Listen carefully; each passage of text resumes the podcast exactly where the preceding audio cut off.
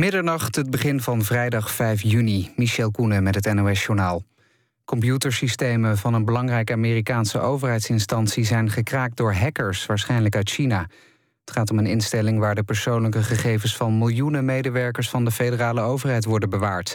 De inbrekers hebben wellicht gevoelige informatie buitgemaakt, want ook de gegevens van mensen die werken in vertrouwelijke functies, zoals geheimagenten, worden beheerd door de instantie.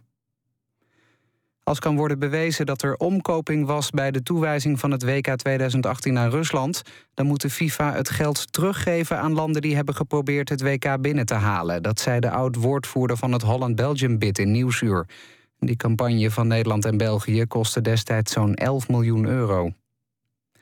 Staatssecretaris Van Rijn blijft aan, ook nu een deel van de Tweede Kamer het vertrouwen in hem heeft opgezegd. Hij benadrukte dat de meerderheid van de Kamer hem in de gelegenheid stelt om de problemen rond de PGB's aan te pakken. De motie van wantrouwen werd niet gesteund door de regeringspartijen VVD en PvdA en een aantal oppositiepartijen. De tiende editie van de Alp 6 heeft zeker 11,5 miljoen euro opgebracht voor het onderzoek naar kanker. Daarnaast is er 3,5 miljoen euro aan donaties toegezegd.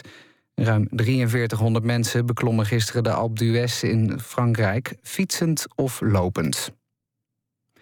In de Verenigde Staten is voor het eerst een scalptransplantatie uitgevoerd.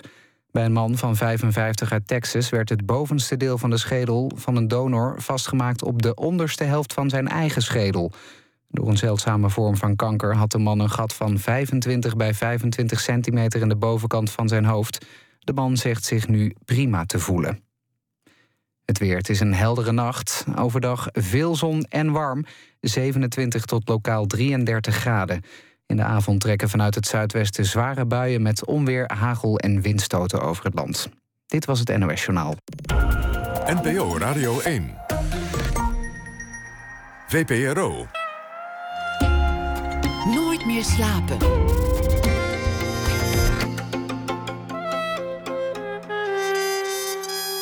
Met Pieter van der Wielen.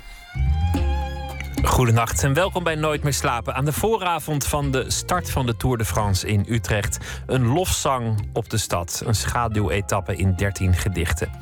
En Kiss of the Spider-Woman, een uh, Argentijnse bestseller, is nu een musical. Daarover meer na ene. We beginnen met Sigrid de Napel. Want op de eerste dag van 2015, dat het vorige keer echt helemaal niet vroor, sneeuwde, ijzelde, regende, waaide of hagelde, ging de film met de prachtige titel Zomer in première. Over een zomer in Brabant waarin het leven van de hoofdpersonen eens en voor altijd verandert. Sigrid speelt de hoofdrol, de jonge vrouw Anne. Sigrid de Napel, geboren in 1993, opgegroeid in Lekkerkerk, nog bezig met de toneelacademie in Maastricht. Begon al jong met acteren en was al te zien in heel veel series en films. Penosa bijvoorbeeld, de serie. En de film Alleen maar nette mensen. Ook in Vast was het te zien en Overspel. En behalve Zomer, die dus vandaag in première ging, binnenkort in Prins. En ze is net klaar met het draaien van Brasserie Valentijn. Genomineerd voor Gouden Kalf. En ehm, het Nederlands Filmfestival riep haar uit tot belofte van de toekomst. Sigrid de Napel, hartelijk welkom. Dankjewel. Wat, uh, wat, wat moet iemand bezielen om te willen acteren? Als je die drang hebt, daar wordt, daar wordt zoveel over gezegd en geschreven. Iemand die, die acteert, die wil ontsnappen of die mist iets in zichzelf. Vertel maar, wat is het? Ben daar misschien nog steeds een beetje achteraan het komen. Waarom je wil acteren? Ja, nou ja, die, die vraag heb ik natuurlijk al heel vaak gekregen. En uh, in eerste instantie uh, ga je dan op zoek naar een, een, een, concrete aanleiding. Maar ik denk dat ik met terugwerkende kracht gewoon steeds meer kan zeggen dat, dat ik niet echt anders kan. Dat het, uh, het wordt een steeds. Het wordt een steeds logischer begrip om mezelf ook als actrice te, te, te benoemen. En um, um, ik denk, ik, ik, ik, ik hou er helemaal niet van om acteren als iets therapeutisch te beschouwen. Maar in zekere zin denk ik dat het wel een, een, uh, dient als een uitlaatklep die ik blijkbaar nodig heb. Of die me heel goed past in elk geval. Je bent uh, 22. Ja. En Weet je nu al dat, dat dit je bestaan zal zijn, acteren? Als je het nu mag zeggen? Ja, ja. Ja, 100 procent. Dan, dan wordt jouw leven wordt acteren. Want, want je bent volgens mij begonnen op je ik wil het niet zeggen in de inleiding, want, want dan zit je er misschien naast. Maar volgens mij op je vierde, vijfde, zesde, zoiets. Ja, ik, ik, ik zeg uh, zelf altijd op mijn, dat ik op mijn zesde jaar mijn eerste uh, toneelles heb gevolgd. Ik weet niet of dat exact klopt, maar dat is uh, hoe ver mijn herinnering teruggaat. Nou, is dat op zich nog niet zo exotisch? Want ouders die, die willen af en toe van hun kinderen af. En dan, dan heb je daar uh, paardrijles, vioolles ja. of, of hockey. En dan, dan was het bij jou acteren. Dus nou ja, dat neem ik voor kennisgeving aan. Ja. Maar kennelijk is er daar iets gebeurd op die toneelles. Ja. Dat, dat belangrijk bleek. Ja, dat blijft mij ook nog steeds verbazen. Ik, ik kan me nog heel goed herinneren dat ik voor het eerst met echt al het gemak van de wereld mijn eerste kinderfeestje afzei om maar naar mijn toneelles te kunnen gaan. Dat dat een hele grote vanzelfsprekendheid. En ik denk dat het in eerste instantie uh, dat er een heel grote rol speelde. Het. Uh, het groepselement. Dat je uh, misschien voor het eerst je op een plek begaf waar je met gelijkgestemden was. En uh, um, iedereen hetzelfde leek te willen. Al had dat toen nog helemaal geen hoger doel. En dat was helemaal niet aan de hand uh, van bepaalde rollen spelen. Maar gewoon, je was even heel erg vrij. Je kon heel erg je fantasie induiken. En er was niemand die je daarop beoordeelde. Is dat nog steeds zo? Dat, dat, je je meest in het element voelt als je aan het werk bent? Is, is dat een, een vrijheid die je ervaart? Het is een enorme vrijheid. En in die zin is het wellicht wel ook enigszins een vorm van escapisme. Omdat um, als ik uh, een film aan het draaien ben, dan bestaat er echt even niets anders. Dan is alle problematiek van alle dag is vergeten. Uh, die mislukte liefde raakt op de achtergrond. En. Um, je, ja, het, het is um, soms misschien gemakkelijker voor mij om dan vanuit een personage te beredeneren en te denken dan uh, me met mijn eigen gedachten bezig te moeten houden. Je kunt jezelf vergeven, vergeten door, door even een personage te worden. Ja, absoluut. Ja. Laten we het hebben over uh, de film Zomer. Hij ging vandaag in première. Ik ben, ben gaan kijken. Er zaten drie mensen in de zaal. Maar geen zorgen, het was de eerste mooie dag van het jaar. Het was bloedheet. Ja, dus, het uh, was de release. Want de première hebben we op het filmfestival gehad afgelopen september. Dat klopt wat je zegt. Vandaag draaide die in de echte bioscoop. Exact. Maar de rode loper en de mooie jurken en, en de handtekeningen, die, die zijn al lang geweest. Ja. De film Even, even schrok ik, want ik dacht, er worden zoveel films gemaakt in Nederland vanuit het stadse perspectief mm -hmm. van de maker over het platteland. En, en vaak is dat een projectie van een randstedeling die te weinig buiten komt. Ja. Even was ik bang, dit zal toch niet ook dat worden? Dat we gaan naar Brabant en kijken hoe bekrompen het daar is. Daar is de film aan ontsnapt. En, en volgens mij kwam dat vooral door jouw personage, dat die film daaraan wist te ontsnappen. Ja, dat is iets wat ik misschien uh, tijdens het draaien me nog niet eens zo heel erg bewust van was. Maar nu in retro-perspectief en naarmate ik de film ook al een aantal keer heb gezien en um, ook uh, ja, anders tegenaan ben gaan kijken, um, vind ik dat um, een heel mooi gegeven aan de rol van Anna, aan het karakter dan wat ik speel. zij heeft geen beoordelende blik. zij is niet doelbewust verliefd geworden op een vrouw om haar omgeving te choqueren en te laten zien dat ze uit wil breken en dat ze tegenstander is van uh, de sleur van alle dag die in zo'n uh, dorp gangbaar is. Maar het, die liefde overkomt haar. En uh, ze wil daarmee niemand voor de borst stoten. Um, het enige gegeven is dat um, de rest die keuze of ja, die keuze van haar niet accepteert. Maar het feit, zij blijft ook aan het eind van de film... blijft zij in dat dorp wonen. En dat is volgens mij het grootste gebaar wat zij kan doen... naar haar omgeving, dat ze zegt... jullie willen mij misschien niet, maar ik, wil geen, ik doe geen afstand van jullie. Verder is het uh, wel een tamelijk uh, droef dorp in de buurt van ja. de kerncentrale. Alles wat gebeurt wordt, wordt verweten aan de straling en, en de, nou ja, de vage gezondheidsklachten van die, ja. van die centrale. Ja. Uh, er is een, een frietent waar uh, enorm veel gefrituurd voedsel wordt genuttigd als ja. centraal hart van de gemeenschap. En de jongens, ja, zodra het gegund wordt, drinken ze pijpjes pils, doen ze aan joyriden. En zijn ze grof in de mond, zoals dat allemaal hoort. En daarbij nog een uitzichtloos baantje als pompbediende, waarbij je ook nog ouderwets even de ruit schoonmaakt. Ja. Anders wordt de baas boos. Kortom, dat is de, de, de setting. ja. en, en verder is het een film ja, over die ene zomer in, in een leven dat iemand eh, ineens volwassen wordt. Dat Ja. alles verandert. Dat de onschuld met de lentebries eh, wegwaait. Hoe zit het met jezelf? Heb jij ooit in een dorp gewoond? Kon je, kon je daar iets eh, eh, uit jezelf putten? zeer zeker in een dorp gewoond. Ik heb tot mijn 18e levensjaar eh, officieel in elk geval in Lekkerkerk gewoond. bij mijn ouders in huis. Dan moet ik zeggen dat ik wel al, nou ja, toen de keuze voor de middelbare school gemaakt moest worden, ben ik wel zo- diegene geweest die dan toch vrij snel voor de stad heeft gekozen. Dus toen, dat heb ik in Rotterdam gedaan. Ehm, maar als ik terugdenk aan mijn jeugd, dan eh, staat eh, hutten bouwen in een weiland en de ondergaande zon en de koeien die grazen, die staan eh, op mijn netvlies gebrand. Dus wat dat betreft ken ik die omgeving heel goed. Maar vind ik dat ook ehm, nog steeds een hele prettige omgeving in de zin. ehm, Niet beklemmend. N- nou, misschien qua mentaliteit heb ik dat toen ik. Ik wilde misschien wel net iets meer losspreken dan Anne. Heb ik dat misschien wel zo ervaren. Maar nu staat voor mij vooral de omgeving zelf en de, de natuur. eh, in hoeverre die in stand wordt gehouden. ehm, staat, die staat voor mij meer symbool voor die plek. Trouwens, beklemmend. Ja, de stad kan ook beklemmend zijn. Over zo'n gracht valt ook goed te loeren. Kunnen mensen ook eh, over en weer kijken wat er, wat er aan de hand is. Absoluut. Wordt ook geouwehoerd. Dus Absoluut. Ik heb geen gordijnen in mijn woonkamer hangen nu op het Leidseplein. Mijn overburen die zien mij eh, iedere dag. koop gordijnen. Doe het gewoon. Ja, wellicht gun, moet ik- gun jezelf Moet ik die investering de maar privacy doen, en de ja. luxe flex.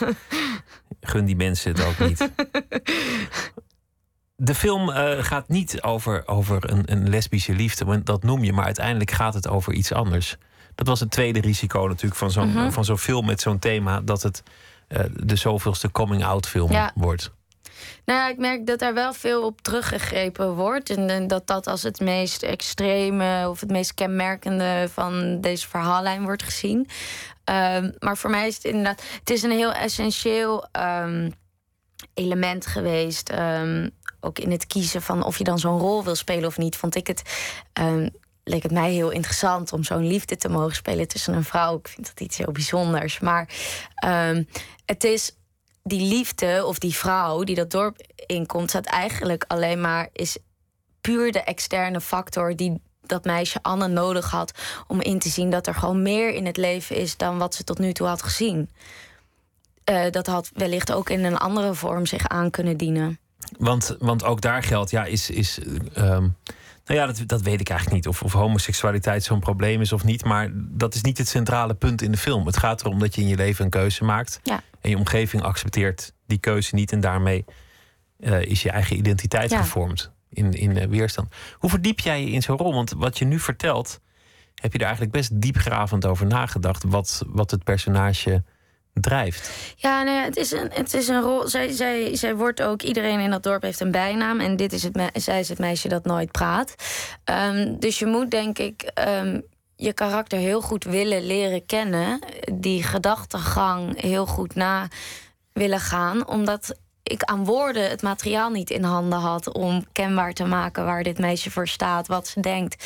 Ehm, dus ja, ik weet niet, je, gaat, je leest zo'n script.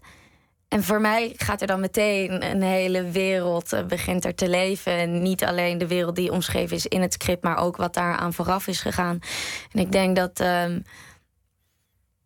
ja, wat je daarover bedenkt, ehm, dat, dat, dat dat je fundament wordt waarop je dan verder die rol kan uitbouwen. Maar je zegt, ik had niet de woorden als instrument. Want het meisje praat niet Nee, zoveel. Het meisje weinig. is, is heel stil. Dus Ja. jij moet het allemaal met je gezicht, met je, met je expressie, met je mimiek. Met je, met je denken, denk ik vooral. En wat ik dan denk, of hoe ik de ander observeer en wat ik daarvan vind, dat eh, zal uiteindelijk zichtbaar zijn in mijn ogen of in mijn gezicht. Maar het, het, het, het, ehm, het begint, denk ik, bij ehm, in het hoofd van dat meisje duiken. Dat is interessant, want je zegt ze heeft een open, niet beoordelende blik. Ja. Zei je daarnet. Dan moet jij dus die, die Ja, open, niet er- beoordelende blik klaarspelen. Eh, Uh, ja, nou ja, dat niet beoordelende zit er voor, vooral meer in een soort onwetendheid. Uh, waardoor ze niet kan beoordelen, want ze heeft geen andere referentiekader dan dit. Dit is het nou eenmaal. Ja, maar ik denk wel dat er in haar onderbewustzijn altijd. Zij, zij heeft wel, denk ik, het feit dat ze niet praat, geeft volgens mij aan dat ze niet heel goed mee kan in de gesprekken die er wel worden gevoerd. Um, dus er zal in haar onderbewustzijn iets broeien of al iets beginnende zijn waarvan ze weet, oh misschien ben ik wel anders, maar ze kan er de vinger gewoon nog niet op leggen. Plus, uh, zij is, je ziet er, al is het maar vijf seconden, je ziet er met een Latijnboek uh, boekje zitten, haar rijtjes te stampen. En ik denk dat dat al iets. Um, een gegeven is wat haar uitzonderlijk maakt, want de rest is allemaal van vrij simpele aard. Interessant is dat ze, dat ze natuurlijk getreiterd wordt en, en, en boos gemaakt. Jij zei, ik, ik wil die emotie voelen en hem zo overbrengen. Dan is ze woedend, maar staat zichzelf die woede eigenlijk niet toe. Zet zich over haar woede heen. Dat, dat, is heel complex. Ja, nou, het is volgens mij voor haar zo'n vreemd verschijnsel dat haar dat ook ineens overkomt. Want ze heeft daar dus nooit eerder uiting aan gegeven. En het is inderdaad zo ergens midden in de uh, film zo'n vrij kenmerkende scène waarin ze voor het eerst geluid überhaupt laat horen en weerstand toont.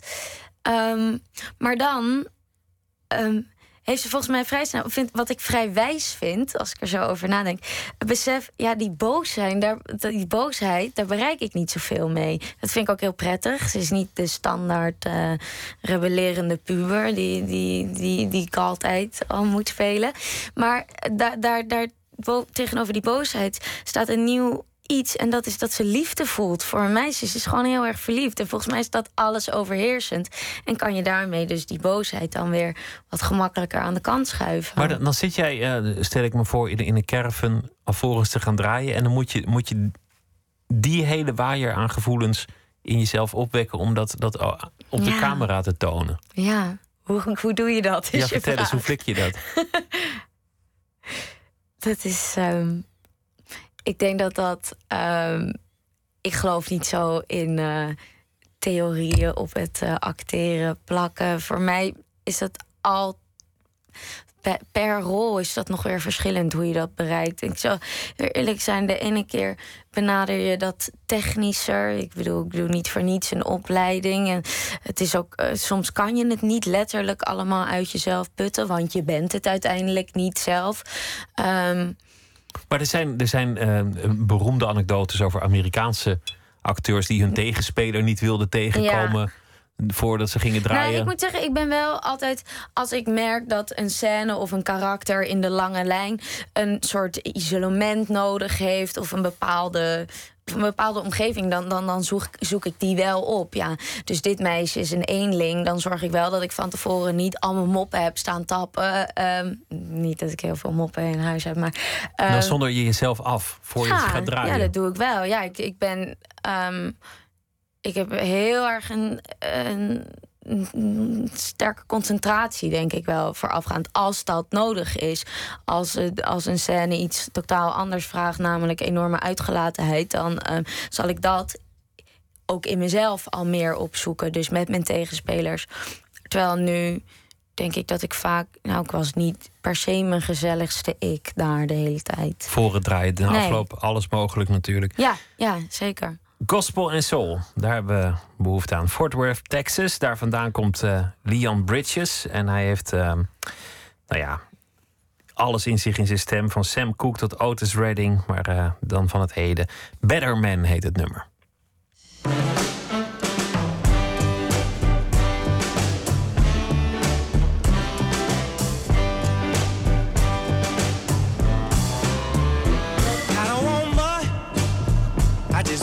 A better man to my baby. Mm-hmm. Give me all good love. I was living with them Jezebels under perfume sheets. Mm-hmm. Got a golden smile, heart overflowing with kindness and love, but it wasn't enough.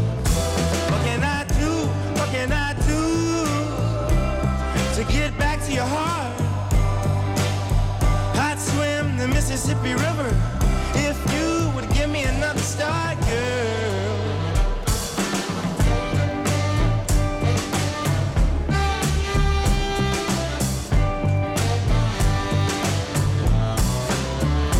All night long I was out, out to the morning, but baby, you're tender.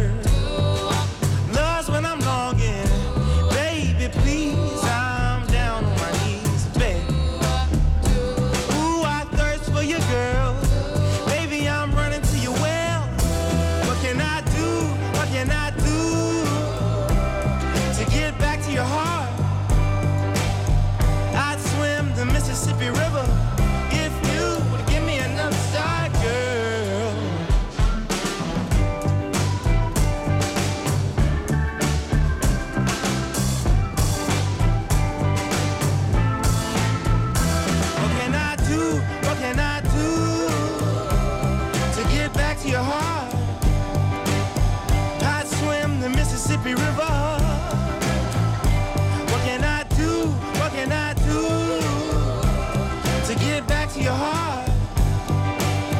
I'd swim the Mississippi River if you would give me enough start, girl.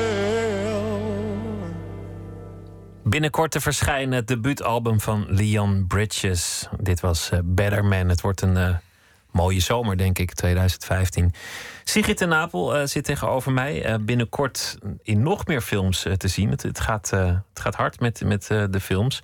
Prins, die gaat binnenkort in, in première. Ja. Dan ook echt première met rode lopers en, en ja, de Nederlandse première althans. Want we zijn in première gegaan eh, op de Berlinale in eh, januari, februari. En eh, dat, daar waren we openingsfilm van de Generation Competition. En nou, daar is hij goed ontvangen in elk geval. Brasserie Valentijn met Georgina Verbaan, Egbert-Jan Weber en, en zo nog wat uh, corriveeën. Net klaar met draaien. Ja. Moet nog gemonteerd worden en alles. Ja. Maar die, die zal dus dit jaar ook nog eh, in de bioscoop komen, vermoed ik. Ja, ik denk het zo. ehm, of echt einde dit jaar, of misschien zelfs begin volgend jaar. Je weet nooit zo goed hoe lang dat nodig heeft. En het wordt eh, ook proces. strategisch gedistribueerd. Hè? Dat, dat komt er ook nog bij kijken. Ja, Dan nog bezig met je, je afstudeerproject voor eh, de toneelschool Maastricht. mensen, mensen die jou goed kennen, die zeggen... ja, Sigrid, het is een goede vriendin, het is een trouwe vriendin... maar ze is altijd aan het werken. Het is gewoon Ja. haar leven, haar lust, haar passie. eh Twaalf-urige werkdag maakt niet uit. Zeven dagen in de week maakt niet uit. Permanent aan het werk. En zo is het eigenlijk altijd geweest. ja, klopt. Ja, en ik, eh, ik moet erom lachen, of ik krijg een lach op mijn gezicht als je het zegt, want eh, het staat me nog steeds niet tegen. Het werken niet. Nee. Nee, nee maar het is ook Nee. zo'n gedachte dat, dat, dat werk iets is dat je, dat je moet vermijden. Nee. En luieren iets dat je moet nastreven. Waren je ouders hardwerkende mensen?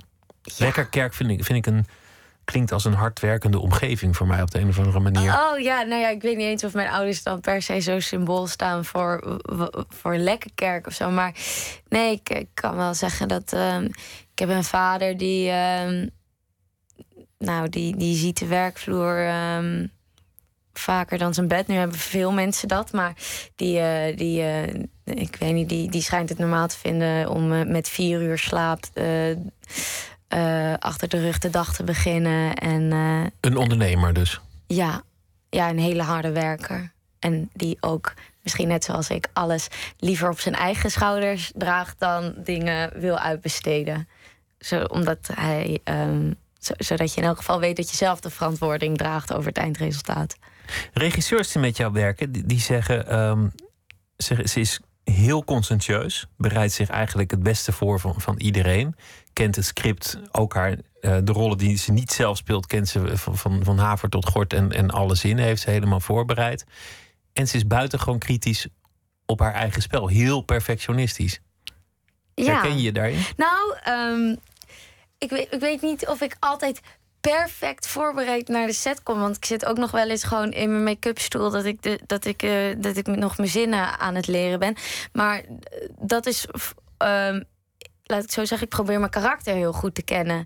En ehm, dat, dat, als je dat eenmaal goed kent, maakt dat de stap naar daadwerkelijk zinnen uitspreken in een scène al eh, gewoon een hele logische, een heel logisch gevolg. En ehm, Het personage begrijpen, echt precies doorgronden wat, wat het personage drijft. ja, Die, die tekst die komt dan eigenlijk wel. ja, want die is dan als het goed is heel logisch vervolgens.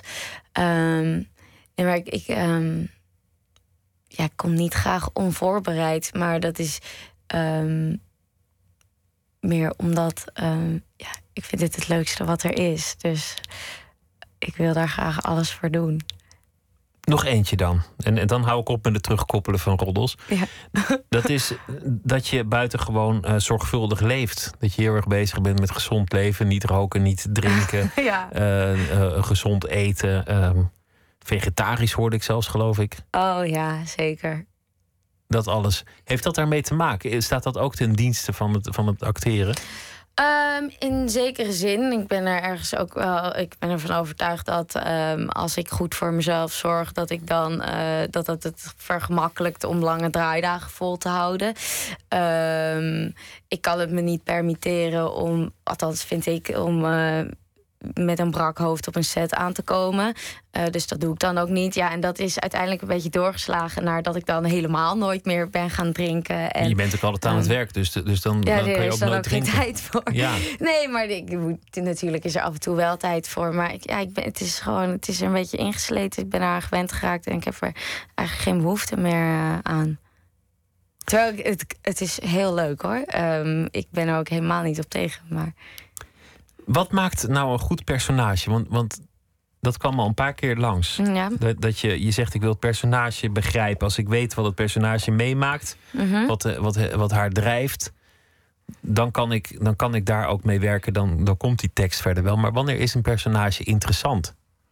Nou ja, het begint eh, in eerste instantie bij het script. Ehm, dat wil zeggen, je, je kan, soms word je meteen gegrepen door een verhaal. En dan denk je, ja, Maar het script is al af op het moment dat jij ja of nee zegt. ja klopt. krijgt- jij krijgt maar het is wel bepalend of ik ja of nee zeg. Zie jij meteen aan het script van dit personage, daar kan ik wat mee. Dit, dit gaat werken. Ja, sommige triggeren je wel dusdanig meer dan andere, zeker. Ehm, kijk, je wil allemaal de, de, de, eh, wel een keer de drugsverslaafde of de ernstig zieke patiënt spelen. Maar ik vind ook dat er een uitdaging of een schoonheid zit in juist de mensen die eigenlijk een heel alledaags bestaan lijken te leiden. En, maar wat is daar dan? Wat gaat er schuil achter eh, in die mensen? En ehm, wat, ik geloof echt dat je van ieder mens, zoals dat op papier is neergepend, dan in een script, kan je een uniek karakter maken. Wat, wat moet zo'n uniek karakter hebben? Want ehm, oké, de, de, de basisleer is volgens mij dat, dat iemand moet een verlangen hebben. Mhm. Een want en een need. Ja. Dus de- iemand heeft iets nodig en een verlangen. En het verlangen is vaak niet wat hij nodig heeft. Dus mensen willen niet altijd wat goed is eh, voor zichzelf. Ja. Dat, dat soort worstelingen, dat zou een personage kunnen maken. Iemand moet ergens naartoe willen. Ja, een slachtoffer. Die moet nog steeds een, een, een drang hebben. Absoluut. Hoe, hoe, hoe denk je daarover na? Hoe maak jij een personage van een tekst? De tekst ligt al vast. Ja. Ja, ik heb. ehm, er lijkt een soort natuurlijk proces eh, in, in mij eh, in gang te worden gezet als ik een script eenmaal heb gelezen. Er, er ontstaat. Ik heb het idee dat er op mijn netvlies dan direct zie ik de veruiterlijking van hoe dat karakter of hoe die persoon er dan uit moet zien. En ehm, daar, daar, daar wordt dan meteen een soort leven in geblazen. En ehm, ja, het. ehm, ik, ik, ik, heb, ik heb het idee dat er een soort spectrum aan, aan, aan eh, eh, personen in mijn hoofd zit. En ehm, als ik dan een script lees, dan lijkt het altijd meteen alsof ik er het correcte mannetje op kan plakken. Of zo. En ehm, ja, ik vind het ook heel lekker als er wel ook daadwerkelijk een uiterlijke transformatie aan te pas gaat. Dat ehm, vergemakkelijkt het inleven toch wel. En, ehm, dus dan heb ik het gewoon over wat voor kleding diegene draagt en dergelijke. Kijk je naar mensen als je in een, in een café zit? Ben je dan bezig met het stiekem observeren van een ander om, om, om als een soort beroepsdeformatie daar al een personage van te maken? Ja, eh, soms bewust en heel vaak denk ik ook onbewust. Ehm, ik, vind het altijd, ja, ik vind het altijd interessant. Ehm, het, het maakt het leven ook echt heel veel leuker als je lang moet wachten in de rij van de kassa. Om gewoon eh, aan de hand van boodschappen na te gaan wie er eigenlijk eh, voor je staat. En, ehm, En daar een leven bij te bedenken. ja, Dus, Ja. dus een, eh, een stapel diepvriespizza's, wat zit daarachter? N- iemand die eh, niet bereid is heel veel moeite voor zichzelf te doen. Of eh, die een heel druk leven heeft en zichzelf nu even een avondje gemak gunt. Er kunnen verschillende dingen achter zitten. Maar hoe ver gaat dat? Want, want het, het is een, ja, een, een beetje beroepsdeformatie. Ik denk dat veel acteurs dat doen. Ja, Stiekem een beetje kijken naar anderen. En dan, en dan proberen daar een verhaal van te maken. Een beetje een soort psychologie daarop te plakken. Bij te fantaseren. Hoe ver gaat dat? Nou, het is ook gewoon echt een prettige bezigheid. Zolang ik naar anderen kan kijken, heb ik het idee dat andere mensen niet naar mij kijken. Want dan. ehm, Vandaar ook dat je geen gordijnen hebt. eh, ja, maar mijn overboeier hebben dan wel weer die gordijnen. Oh ja, dus het nee, wordt dus- lastig naar binnen kijken bij We hen. vergeten die gordijnen. Ehm, nee, maar dan, dan heb ik het gevoel ehm, alsof ik in elk geval niet beoordeeld word. Want ik heb de bepalende blik of zo. Ik heb bepaald dat ik naar mensen aan het kijken ben. En ehm, ja, het is gewoon, ja, ik vind mensen gewoon hele wonderlijke wezens. En iedereen heeft zijn eigen loopje en iedereen heeft zijn eigen manier van praten. En je merkt gewoon dat je eh, door, door dat te doen, ehm, gewoon soms net even. ehm, het dient ook gewoon ter inspiratie. Je kan er net even ergens naar teruggrijpen. Iets wat je gisteren nog hebt gehoord of gezien, dat kan je dan zelf toepassen in een rol. Is het ook een drijfveer om te acteren? Omdat het in zekere zin ook een, een excuus is om, om naar mensen te kijken. En, en misschien ook dat, dat je iets kunt met alle. Nou, niet per se het, eh, het voyeurisme. Dat, dat, ik, het- dat ik het zo, zo lekker vind om naar mensen te kijken. Dat Nee, ik daarom wil spelen. Maar het is wel. ehm, eh, nieuwsgierigheid. Ja, en blijkbaar zitten er gewoon he- heel veel aspecten in mij. Maar ik denk in ieder mens waar je in normale sociale situaties niet per se eh, van wordt geacht om daar uiting aan te geven. Maar die zitten er wel. En daar is acteren een eh, perfect excuus voor. Het is heel vaak interessant om naar een lelijke kant van mensen te kijken als je een film kijkt. En ehm, ja, die, die mag ik dan eh, belichamen. Op de toneelschool in Maastricht, een, een, eh, een kweekvijver voor, voor ontzettend veel eh, talent. Daar is ook een, een traditie, ik weet eigenlijk niet of dat nog steeds zo is, om aan introspectie te doen. Je moet ook je eigen psyche doorgronden, proberen jezelf te analyseren om te kijken wat je in jezelf kunt vinden. Doen ze dat nog? Mm, Nou, dat is niet een. eh, zo staat het in elk geval niet op je lesrooster. Eh, er staat wordt niet wel- eh, van twee tot vier in, introspectie. Nee, dat staat er niet. Maar ik denk wel dat het. het ehm, als je aan iedereen die zijn eerste jaar erop heeft zitten, zal iedereen zeggen: Ja, dit was heel zwaar en ik heb mezelf leren kennen. Dat is een beetje het standaard antwoord wat je dan krijgt. Ik denk niet per se dat, dat school heel doelbewust daarop uit is, maar het is meer. ehm, eh, het feit dat je met je komt met een soort droom binnen.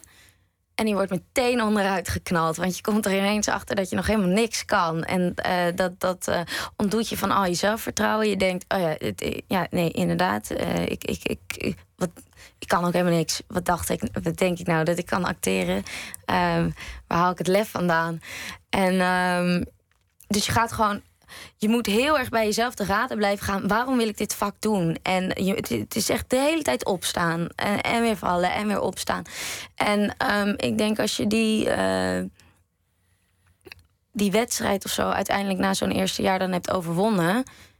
eh, dan ben je blijkbaar tot heel veel inzichten gekomen over jezelf.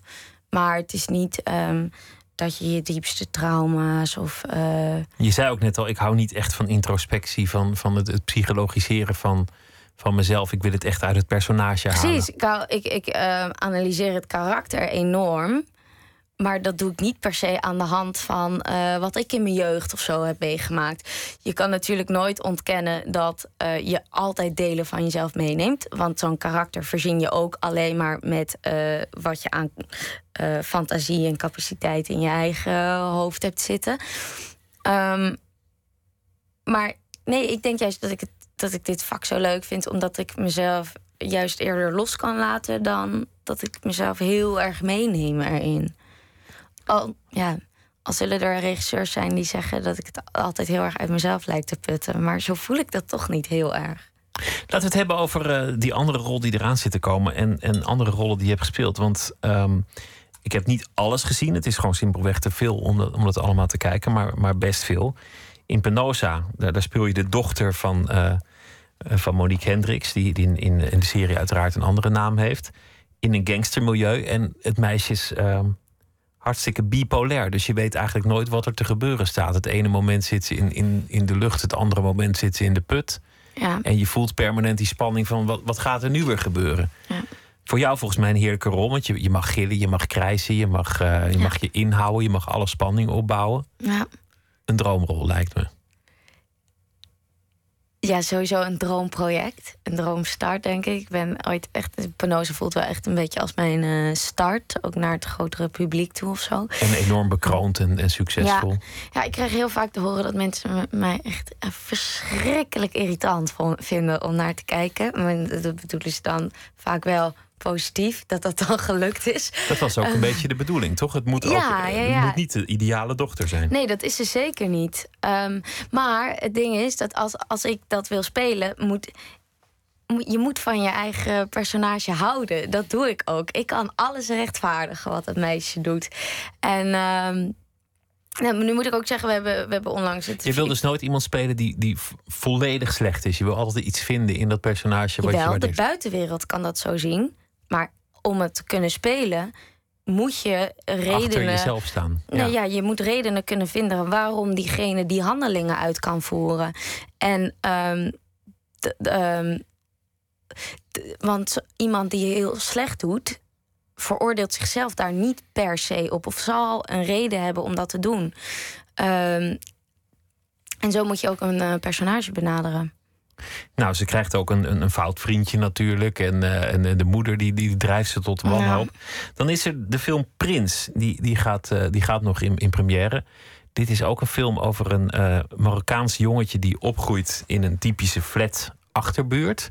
Een, totaal andere opgroeifilm dan, dan Zomer. Ja, Jij speelt een gangsterliefje...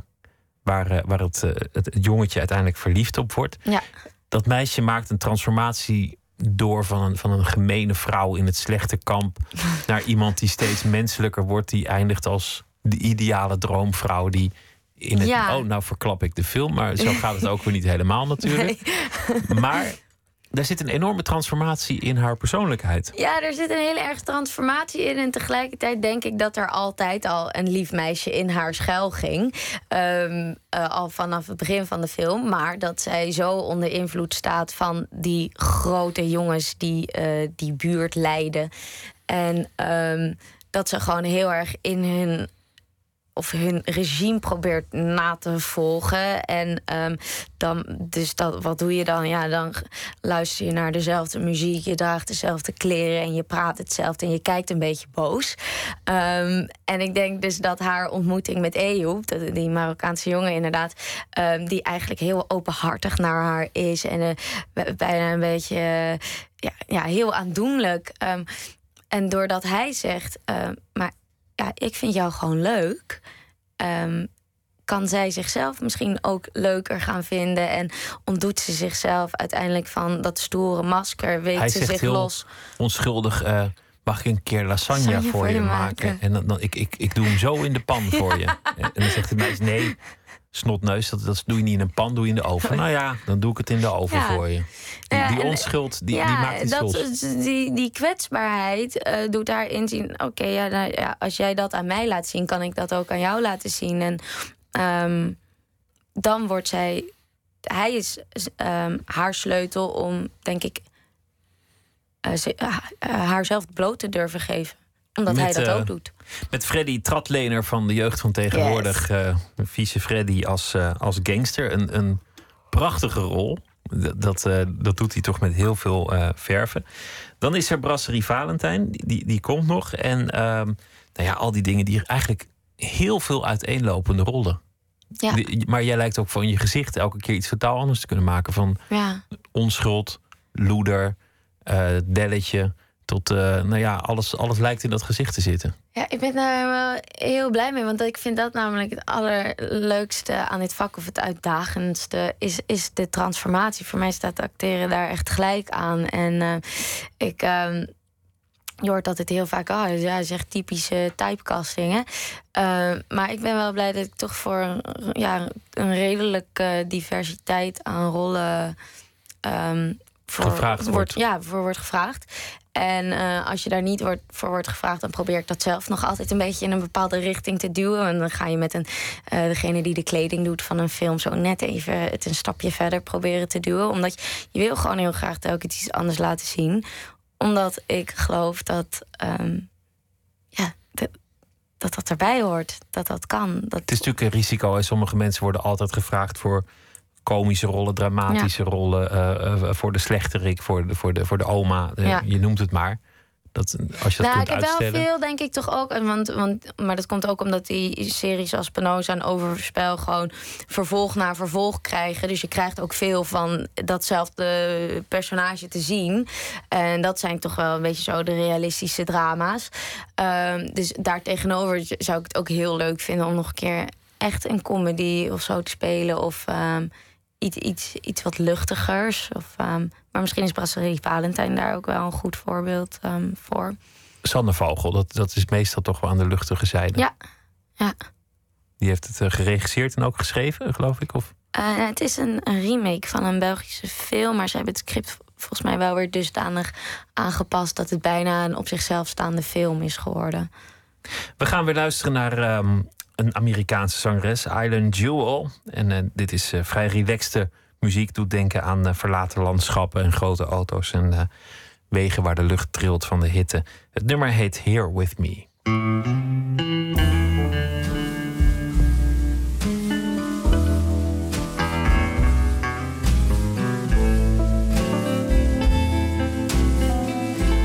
If you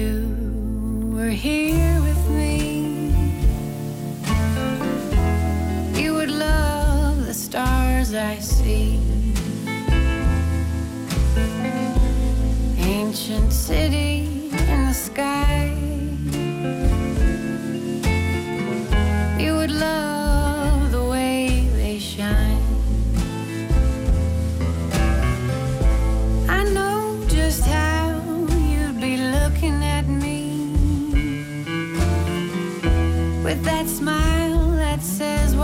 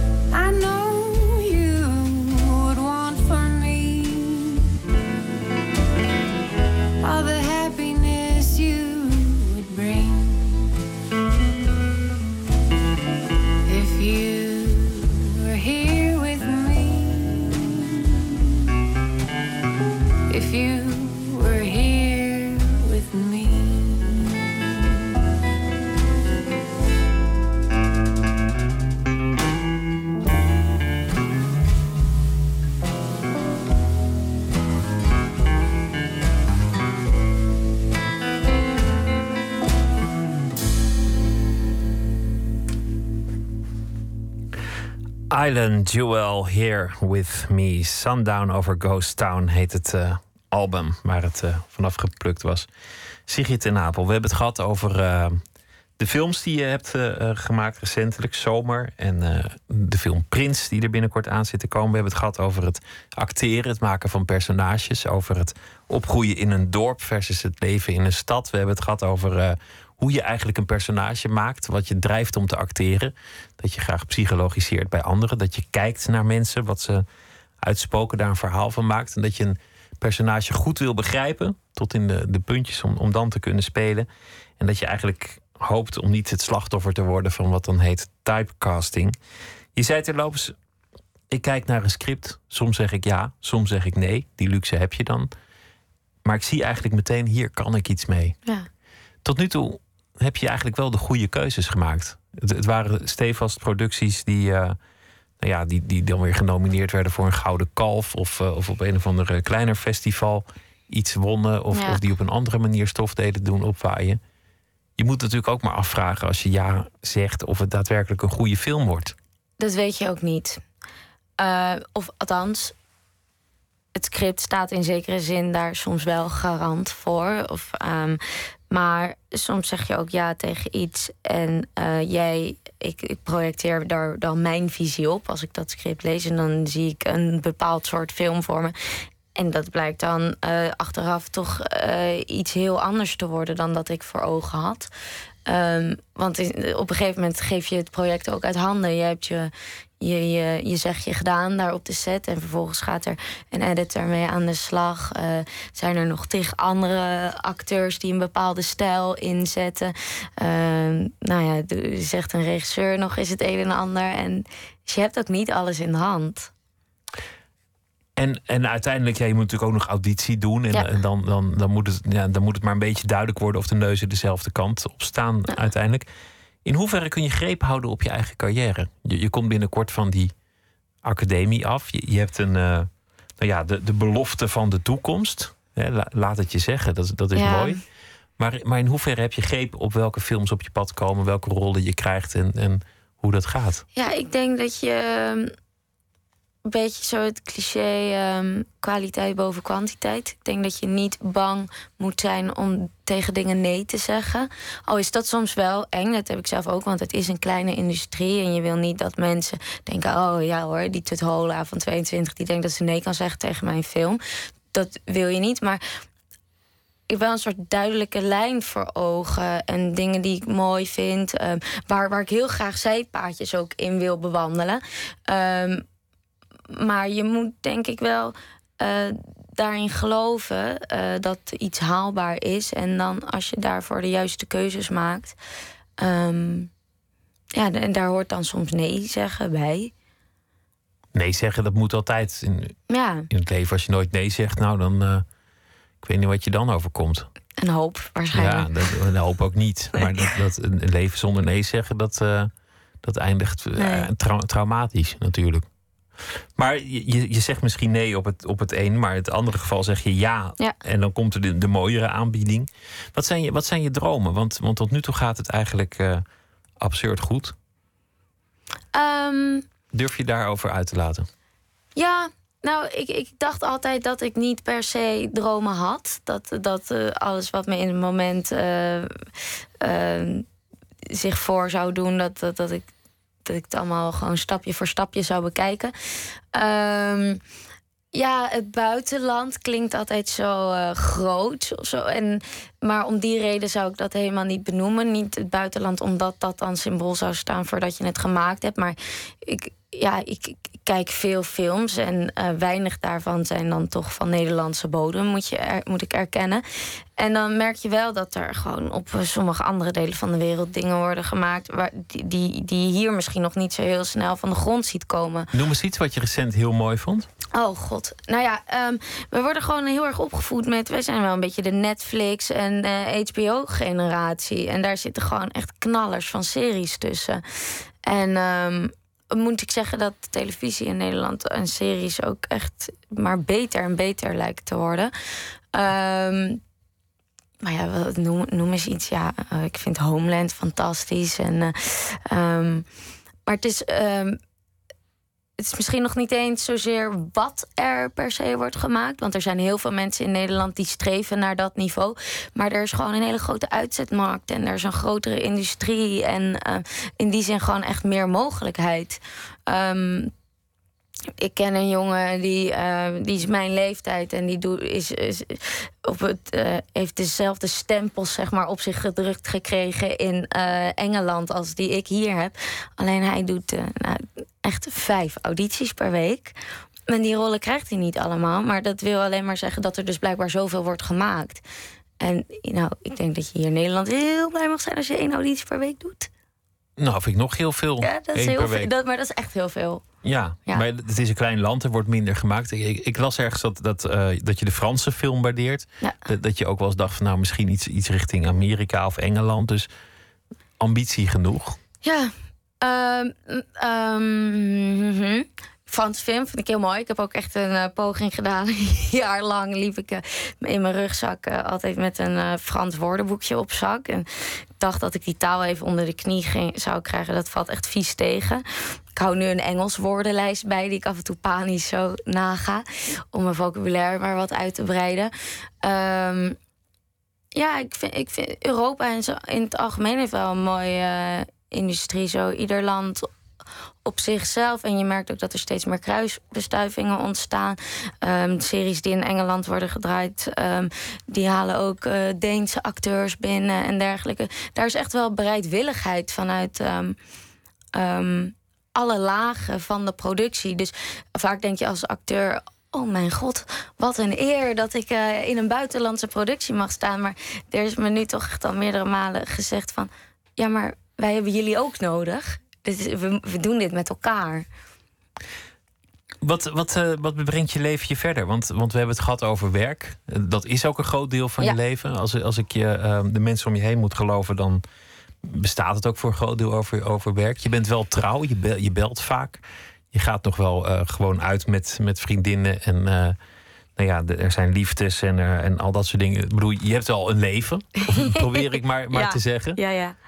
Wat, wat gebeurt er verder eigenlijk in je leven? Nou, ik denk dat ehm, die mensen waar, waar je deze informatie vandaan hebt gehaald, een groot deel eh, van, van mijn eh, bestaan verder invullen.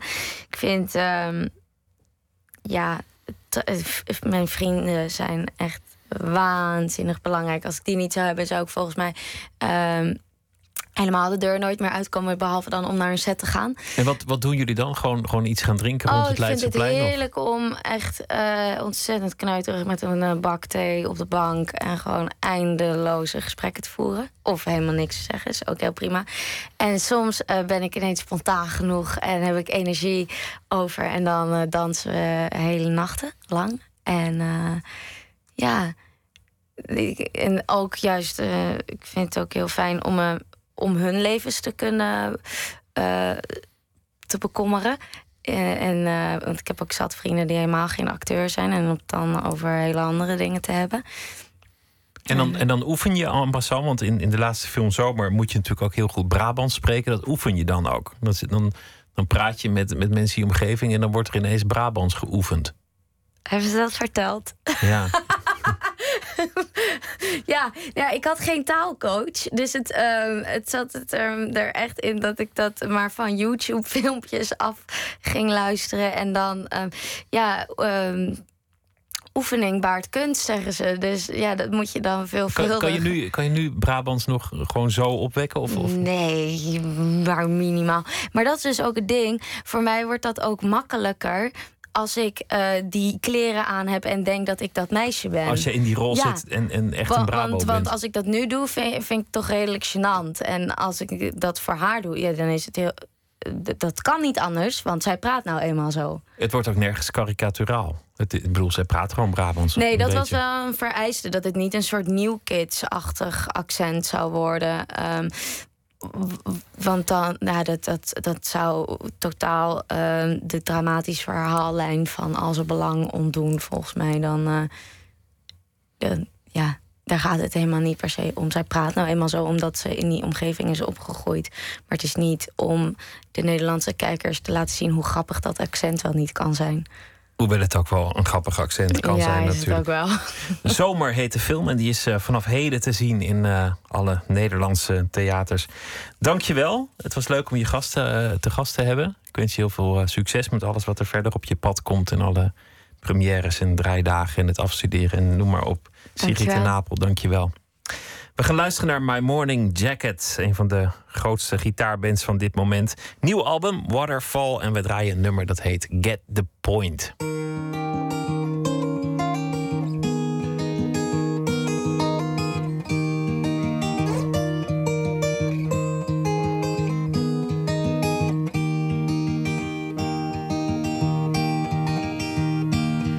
We talked and talked and carried on from dawn. We put the needle on the line, it just kept skipping. And then I realized all the time I was wasting trying to mend a broken situation. Daydreaming of leaving, I only had to do it. And now it's done, you still call every day to no avail. I never have an answer, I never seem to be there for you. But there's only so many ways that one can look at a given situation. And I wish you all the love in this world and beyond. I hope you get the point. I hope you get the point. I hope you get the point. The thrill is gone. I hope you get the point. I think our love is done.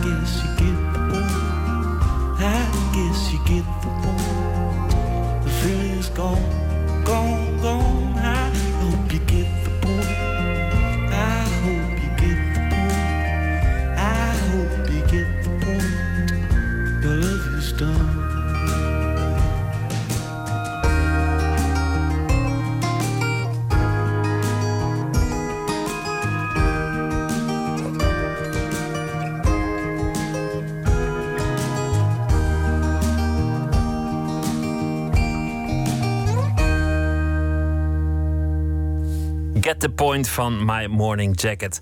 Zometeen eh, gaan we verder. Gaan we het hebben over eh, Utrecht en de Tour de France. En over Kiss of the Spider Woman. Een bestseller die nu een eh, musical wordt. Twitter, VPRO NMS. Of via de mail nooit meer slapen, VPRO.nl.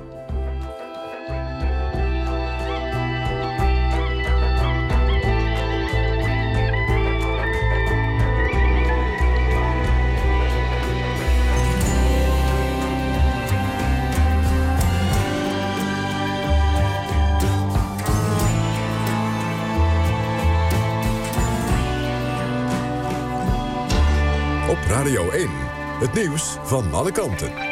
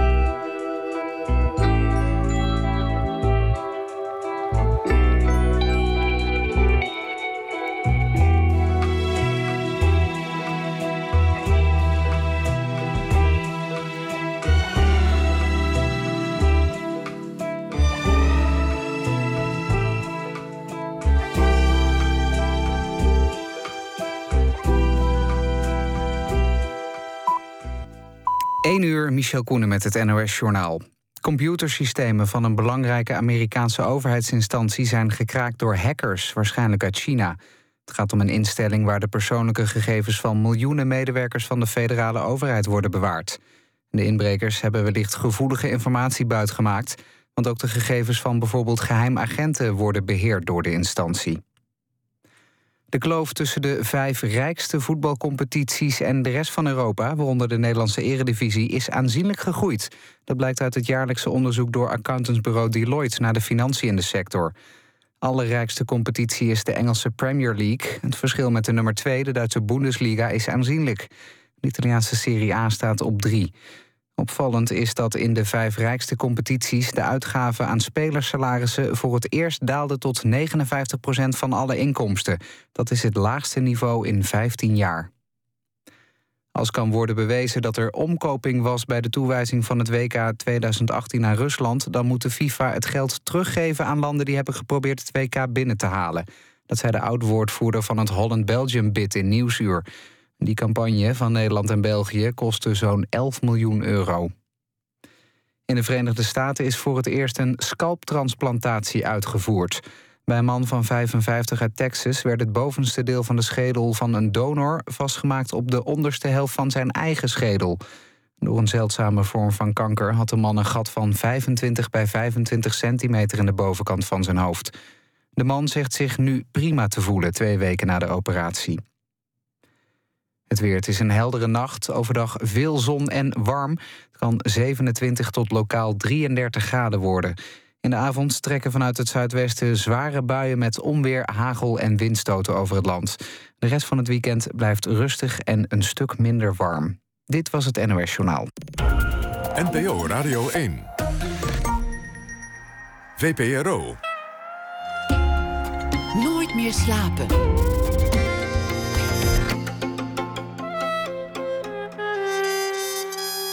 Met Pieter van der Wielen. U luistert naar Nooit meer slapen. 13 Utrechtse dichters die hebben zich laten inspireren alvast voor de Tour de France die daar zal beginnen. En eh, in Utrecht. Schaduwpeloton heet de bundel. Straks een eh, rondje fietsen met een dichter door de Domstad. En we gaan het hebben over Kiss of the Spider Woman. En we gaan het ook hebben over een eh, spel waarmee je de impact van drones zomaar kunt eh, naspelen. Maar allereerst KW Modiri, filmmaker eh, uit Iran. Uh, althans, daar is hij geboren. Hij heeft ook nog de Rietveld Academie gedaan. Hij schrijft korte verhalen en heeft een roman gemaakt. Meneer Sadek en de anderen uit 2012. Deze week schrijft hij elke dag een verhaal voor ons over de afgelopen dag. Goeienacht, KW. Hallo, Pieter. Vertel, wat heeft je bezig gehouden vandaag? Um, ik heb weer vandaag uh, door alle kranten en uh, berichten gespit. En um, ik kwam veel tegen vandaag uh, met betrekking tot reizen en transport. Hans de Haan, voorzitter van de VVD-fractie in de Gelderse Provinciale Staten, zegt spijt te hebben van zijn eerdere uitspraken. Dat VVD'ers er niet van houden om tweede klas te reizen in de trein. dat had hij gezegd en daar was zoveel ophef over ontstaan dat hij vandaag zijn spijt heeft betuigd. En hij ging toch al niet zo vaak met de trein. Uh, dus dat is opgelost en uh, hopelijk... Maar ja, dat, dat, ja. waarom heeft hij daar dan... Want, want niemand houdt ervan om tweede klas te reizen in een trein. Toch? Ik bedoel, dat, dat geldt dan toch ook voor VVD'ers? Ik bedoel, ik bedoel, mensen doen het. En je voelt je er misschien niet te goed voor. Maar ik ken niemand die zegt... Hiep hoera, ik mag weer tweede klas reizen met de trein. Nou, ik heb op zich vind ik de tweede klas in Nederland, uh, die, die tweede klastreinen zijn hartstikke goed. Het is alleen... Ja, uh, maar de, in de eerste klas is net zo erg, vaak, daar gaat het niet over. Maar, maar ja, treinreizen, ja. de klas helemaal leeg is, uh, bijvoorbeeld op treinen. terwijl de tweede klas helemaal vol zit. Dus het is ook een kwestie van hoeveel wagons ze beschikbaar stellen voor eerste klas bij de NS. Vaak echt veel te veel en overbodig veel. Uh, dus daar kunnen ze nu ook misschien uh, gelijk iets aan doen. Maar ja, natuurlijk ja, dat, dat er alleen maar eerste klas gereisd kan worden, uh, ja, hilarisch. Maar gelukkig is hij daarop teruggekomen. Goed, nou ja, dat is uit de wereld. Hè? Ja, precies. En uh, in, in hetzelfde kader Schiphol, wat, wat het wel altijd voor mijn gevoel heel goed doet wat betreft klantvriendelijkheid. Uh, daar gaan ze het allemaal nog comfortabeler maken en daar komen niet meer drie verschillende veiligheidszones zoals dat nu is. Dat je dus eerst je paspoort laat zien en daarna bagage en, en daarna bij de gate weer. Maar gewoon één ruimte waarin dat allemaal gebeurt. En die ruimte, dat wordt ook nog gespreid met jasmijngeur. dus beter nou ja, kun je niet voor je reizigers zorgen. Dus dat vond ik dan wel een heel positief uh, um, bericht in dat kader.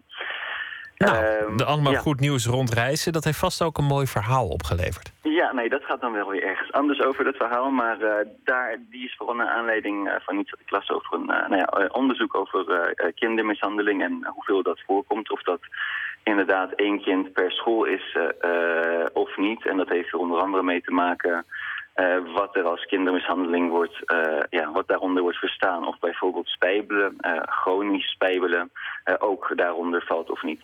Maar mij deed het vooral denken, of ja, het bracht de herinnering bij mij op aan hoe ontoegankelijk kinderen zijn in puberteit en hoe moeilijk het is om van de buitenkant te peilen wat er aan de binnenkant allemaal gebeurt. En eh, ik weet nog hoe die periode voor mij ook was. eh, eh, ehm, ja, met, met een groeiend gevoel van onvrede over de wereld eh, ehm, om mij heen. En die onvrede die was nog zo ongearticuleerd dat het bijna pijn deed. En dat is waar het stuk van vanavond over gaat. Ga je gang. Ibe werd hij genoemd. School interesseerde hem niet. Net zo min als het recept van het eten dat zijn moeder elke avond voor hem kookte. Toen de lerares hem een keer vroeg wat hem toch mankeerde, omdat hij voor de zoveelste keer voor zich uit zat te staren terwijl hem een vraag werd gesteld, antwoordde hij dat hij werd verwaarloosd, maar niet door zijn ouders. Door wie dan wel, wilde ze weten. Dat weet ik niet, antwoordde Ibe. De andere kinderen begonnen te lachen. De lerares wist niet of hij haar in de maling nam of dat het een signaal was die ze serieus moest nemen. Ze zei dat ze hem na de les wilde spreken. Maar zo lang was Ibe niet van plan te blijven. Hij had geen zin om het uit te leggen. Voor Ibe voelde praten met volwassenen als een enorme tijdsverspilling. Ze wilde altijd alles begrijpen en verlangde van hem dat hij ze daarbij zou helpen. Dat hij zich constant zou verklaren en uitspreken. In de pauze besloot hij hem daarom te smeren. Hij liet zijn tas en boeken achter in het klaslokaal, zodat zijn vertrek niet zou opvallen. Alleen Juri zag hem wegklippen van het schoolplein. Hij kwam vlug naar Ibe toe. Waar ga je heen? vroeg hij. Gaat jou niets aan, antwoordde Ibe droog. Juri deed alsof hij hem niet hoorde. Kom je straks naar 0-0? We gaan een toernooitje doen. Ik weet nog niet, antwoordde Ibe. Hij liep naar het vijvertje bij de kerk. De eenden lagen te luieren op het gras. Ibe ging op een bankje zitten. Kort daarna ging hij liggen op zijn rug en staarde van onder naar een boom. Troosteloos, die hoge boom.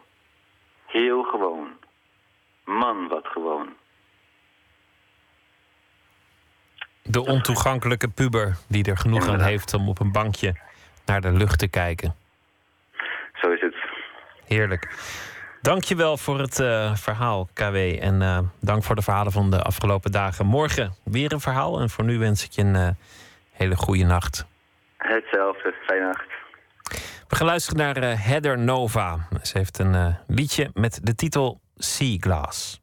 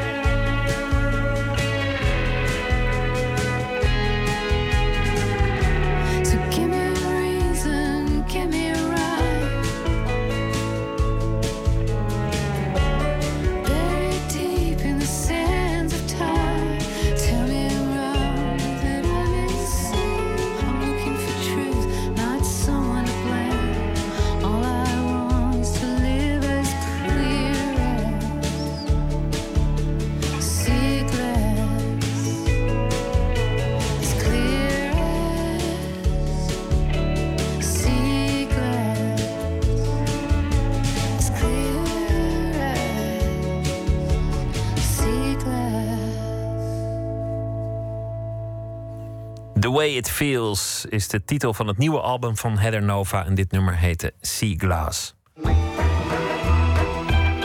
Nooit meer slapen. Kiss of the Spider-Woman van de Argentijnse schrijver Manuel Puig vertelt het verhaal van twee mannen in één cel. De een vanwege zijn geaardheid, de ander voor zijn rol in een revolutionaire beweging. Het boek is verfilmd, eh, in het theater gebracht, was een hit op Broadway. Nu is er dan een Nederlandse bewerking van regisseur Koen van Dijk met Alex Klaassen en René van Koten in de hoofdrollen. Verslaggever Maarten Westerveen sprak met Alex Klaassen en Koen van Dijk tijdens de repetities in Amsterdam.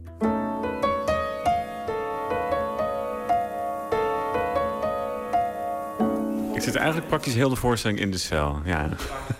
Maar ja, het gaat over twee mannen in de cel. Dus als ik ineens uit zou breken, zou het verhaal eh, mislukt zijn. Kijk, dit is wel echt een cel, toch?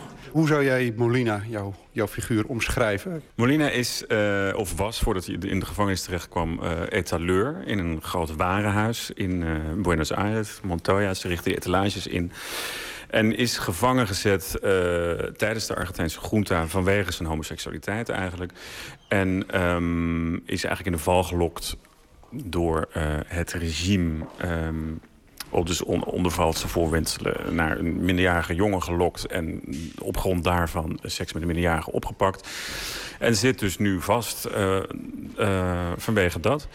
En ehm, probeert aan de hardheid en van, van het gevangeniswezen... en de ellende eh, van daar te ontsnappen... door te vluchten in zijn filmfantasieën. Hij is heel erg fan van de films uit de jaren 30... en dan met name een, een actrice daaruit, Aurora kent al die films uit zijn hoofd en doodt eigenlijk de tijd eh, door eh, die films na te vertellen aan Valentin, zijn celgenoot.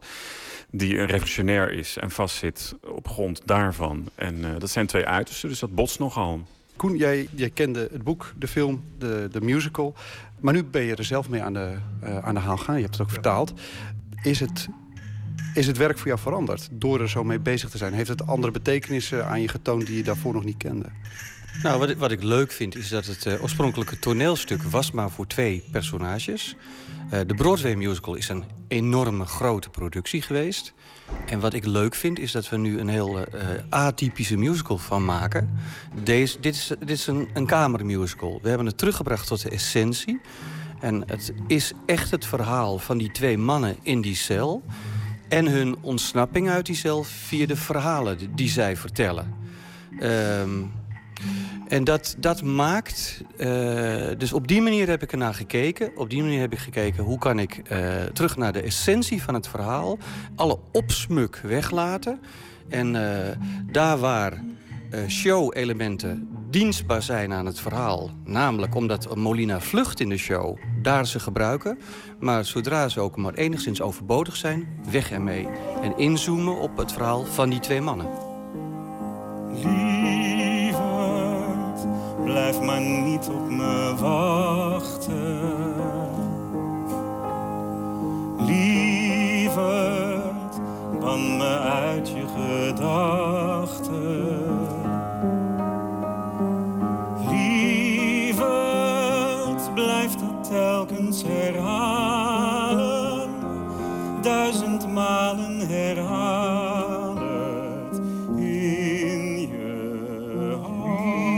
Had jij Alex in gedachten voor Molina? Of waren die twee rollen eigenlijk nog wel inwisselbaar? Ik, ik werd gevraagd, heb je een plan voor het Zonnehuis in Amsterdam-Noord? En eh, ik kende dit theater al goed en ik had meteen het idee... dat moet worden Kiss of the Spider-Woman. En meteen met Alex en met René. Dat stond meteen voor mij als een paal boven water. Dus het was een soort wonder dat het ook lukte. Dat ze allebei wilden en dat ze allebei tijd hadden. Waar schuilt dan, dan in dat je meteen aan die namen denkt? Eh, het zit voor mij heel erg in contrast. Ik vind... eh, eh, er is een groot contrast tussen Alex en René. Ehm, in waar ze vandaan komen. In eh, het, werk wat ze, wat ze eh, over het algemeen doen. De overeenkomst is dat ze allebei heel erg precies zijn... in wat ze spelen en hoe ze het willen spelen. Maar hun achtergrond is totaal verschillend. En volgens mij helpt dat contrast door ze nu bij elkaar te zetten. Ze hebben nog nooit samen in één voorstelling gestaan. Dus dat, dat, dat levert ook echt iets op. Ik dacht dat jij niet hoorde wat je niet wilde horen. Oh, maar dit wilde ik juist wel horen. Vooral toen je begon te beschrijven wat je allemaal met haar ging doen. Je bek! Kom tegen, het gaat je niets aan! Trouwens, jij valt toch op jongens? Is zo. Maar ik ben altijd bereid om mijn visie te verbreden. Maar ik heb me geen zorgen, popje. Je bent niet mijn type. Ik wil met iemand gaan settelen, niet een barricade gaan bestormen. Ja, als je tenminste geen minderjarige aan het molesteren bent in een of ander pishok. Ik wist niet dat hij minderjarig was. Hij glimlachte naar mij. Ik dacht eerst iemand anders, want niemand lacht ooit zo naar mij. Maar hij bleef zo kijken en ik keek zo terug. Ik liep zo in de val. Volgens mij is het heel moeilijk om een rel nicht te spelen. Want je, iedereen denkt, oh, dat kan je zo doen. Nee, het lastige ervan vind ik altijd dat mensen er heel erg, juist heel erg makkelijk over doen. Zo van, oh, een homo is, hey meid, en met je handje en zo.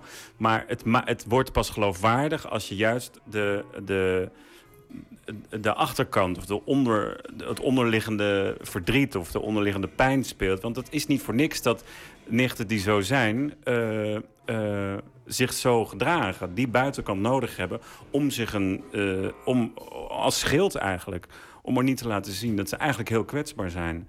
Dus die gebruiken dat om, eh, om in ieder geval iets te zijn van de buiten, voor de buitenwereld. En dan maar irritant en dan maar heel erg eh, vrouwelijk. Ehm, en dat, is, dat vind ik, geloof ik, het, het geheim van een goede nicht spelen... is dat je, de, dat je de pijn moet spelen ergens of moet voelen.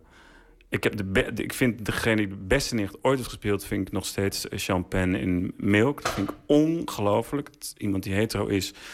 Eh, want de hetero spelen vaak heel slecht eh, dat soort nichten. Echt alleen maar buitenkant. En soms spelen zelfs nichten nog slecht nichten. Maar ik vind Champagne daarin echt... vond ongelooflijk zo mooi en, en, en raak. En in alles, in zijn ogen zag je een heel verleden van pijn en verdriet. En dat is, eh, ja, dat vond ik heel mooi. Dat is- het lijkt me lastig, want eh, om, om dus een pijn te laten zien... terwijl de hele act erop uit is om die pijn aan het oog te onttrekken. Ja, maar ja, ik ben natuurlijk zelf ook ooit erachter gekomen. Hé, hey, volgens mij ben ik niet eh, zoals jullie. En dat is eh, moeilijk. En daar moet je ermee omgaan. En dan moet je iets vinden om dan, eh, dan wel te zijn. En hoe doe je dat? En eh, ja, ik zat op ballet vroeger. En eh, dat wist ook niet iedereen. Dat heb ik geheim gehouden. En dan kwamen mensen erachter. En dan word je gepest. En, dus je, je, je bouwt sowieso, volgens mij, als homo... op een gegeven moment een soort schild op. Om maar niet gekwetst te hoeven worden. En dat is wat het is. Ben je wel eens bang dat mensen die, nou ja, die andere dimensie missen? Dat mensen dat missen in... Als, nou ja, bijvoorbeeld dan misschien ook straks, eh, wie weet... maar bijvoorbeeld ook in Gooise Vrouw... dat mensen dat zien en dat vooral grappig vinden... en niet snappen dat daar dus meer achter zit. Dat er, een, dat er bijna nee, dat, dat er een, dat het een methode bij, is. Bij Gooise Vrouwen, dat is wel grappig dat je dat zegt. Bij Gooise Vrouwen heb ik op een gegeven moment na eh, één of twee seizoenen gezegd... ik wil nu dat hij meer wordt dan alleen maar die jongen met die gekke kleren en dat gekke haar. Want dat heb ik nu wel een beetje gezien. En ik denk ook dat de mensen dat wel een beetje gezien hebben. Dus toen hebben we bedacht dat hij in elkaar geslagen werd. En toen eh, werd hij ook ineens, nou ja, mens bijna. En dat, eh, dat vond ik wel belangrijk om ook even te laten zien.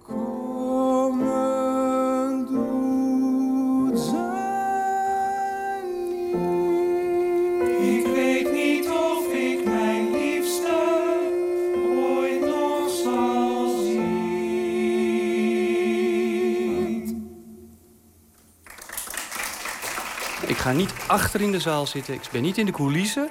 Ik wil graag midden tussen de mensen zitten. En ik wil als regisseur mijn best doen om het stuk voor de allereerste keer te zien. Dat als iemand lacht in de zaal, dat ik begrijp waarom die lacht. En kijk of het klopt bij wat wij aan het doen zijn op het toneel. Is het een goede lach? Dus helpt die het stuk? Is het een foute lach? Hoe kan ik dan zorgen dat die volgende, volgende voorstelling weg is? Doen we iets wat niet klopt? Voelen we voel ik die ontroering als regisseur? Want ik probeer het aan die avond weer voor het eerst te zien. Moet ik lachen? Moet ik? Ben ik ontroerd? En dat is niet omdat ik dat dan ben. Dat is dan omdat ik als regisseur midden tussen de mensen probeer mijn voelsprieten uit te gooien. En probeer te ervaren wat de mensen om mij heen. Dus dat collectieve gevoel, dat probeer ik te absorberen. Wat is nou de beste reactie die ze voor jou kunnen hebben... als jij ze straks het, eh, het, de zaal weer zien verlaten? Nou, we spelen de eerste doorloop van de tweede acte. En eh, het was stil na afloop. Er kwam niet onmiddellijk applaus. Dat duurde echt, nou wel vijf seconden. Dat jullie daar, en ik had al lang blackout gezet en jullie keken ze allemaal aan. En, wat, en er kwam maar niks. Ik vond dat een hele ontroerende reactie. Ja. Had je hem zien aankomen, die reactie? Nee. Nee. Nee. Het raar is, ik word nu weer ontroerd nu ik erover vertel. Het is, het is nog maar pas geleden namelijk. Dus dat, dat komt weer even helemaal terug. Maar dat, is, een- dat, is een hele, dat was het moment waarop ik dacht van... oké, voor de grote Broadway-productie hadden ze meteen ook weer een muziekje gepland... voor onder het applaus en dan weer een muziekje om de zaal te verlaten. En ik denk, volgens mij moeten we dat bij onze kamermusical-versie hiervan... moeten we het even stil laten. Wat is het grootste compliment dat jij kan krijgen... als jij straks eh, buiten een kop koffie zit te drinken... en eh, iemand uit het publiek komt langs? Dat ze, zouden, dat ze zeggen, eh, dit heb ik nog nooit van je gezien. Dit is iets wat ik, ik heb veel van je gezien, maar dit, dit, hier heb je mij verrast. Toe vergeet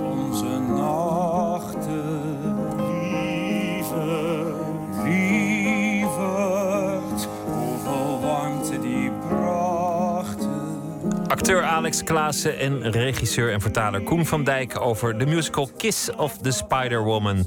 Try-outs komend weekende in het Zonnehuis in Amsterdam. En eh, kaarten voor de voorstelling kissofthespiderwoman.nl. Hij was ooit zanger eh, van de band Pavement, maar sinds jaar en dag eh, doet hij het ook solo. Uit 2011 een album Mirror Traffic, waarvan het nummer No One is S-I-R-B.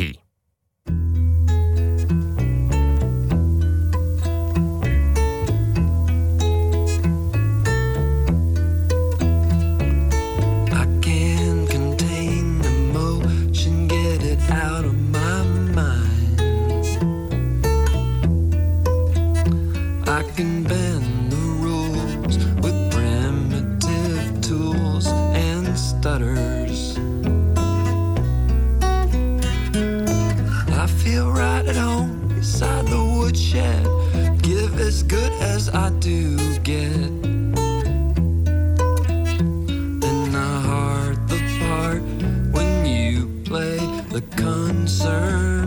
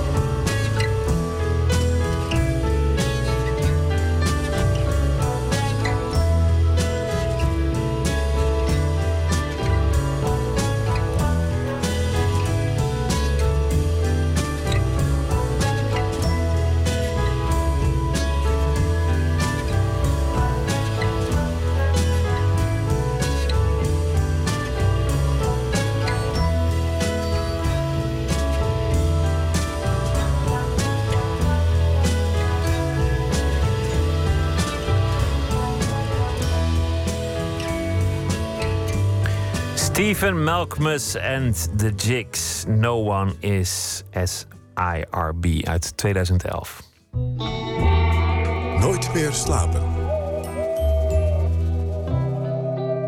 Vandaag werd bekend dat voormalig terreurverdachte Jermaine W. waarschijnlijk gedood is bij een bombardement in Syrië of in Irak.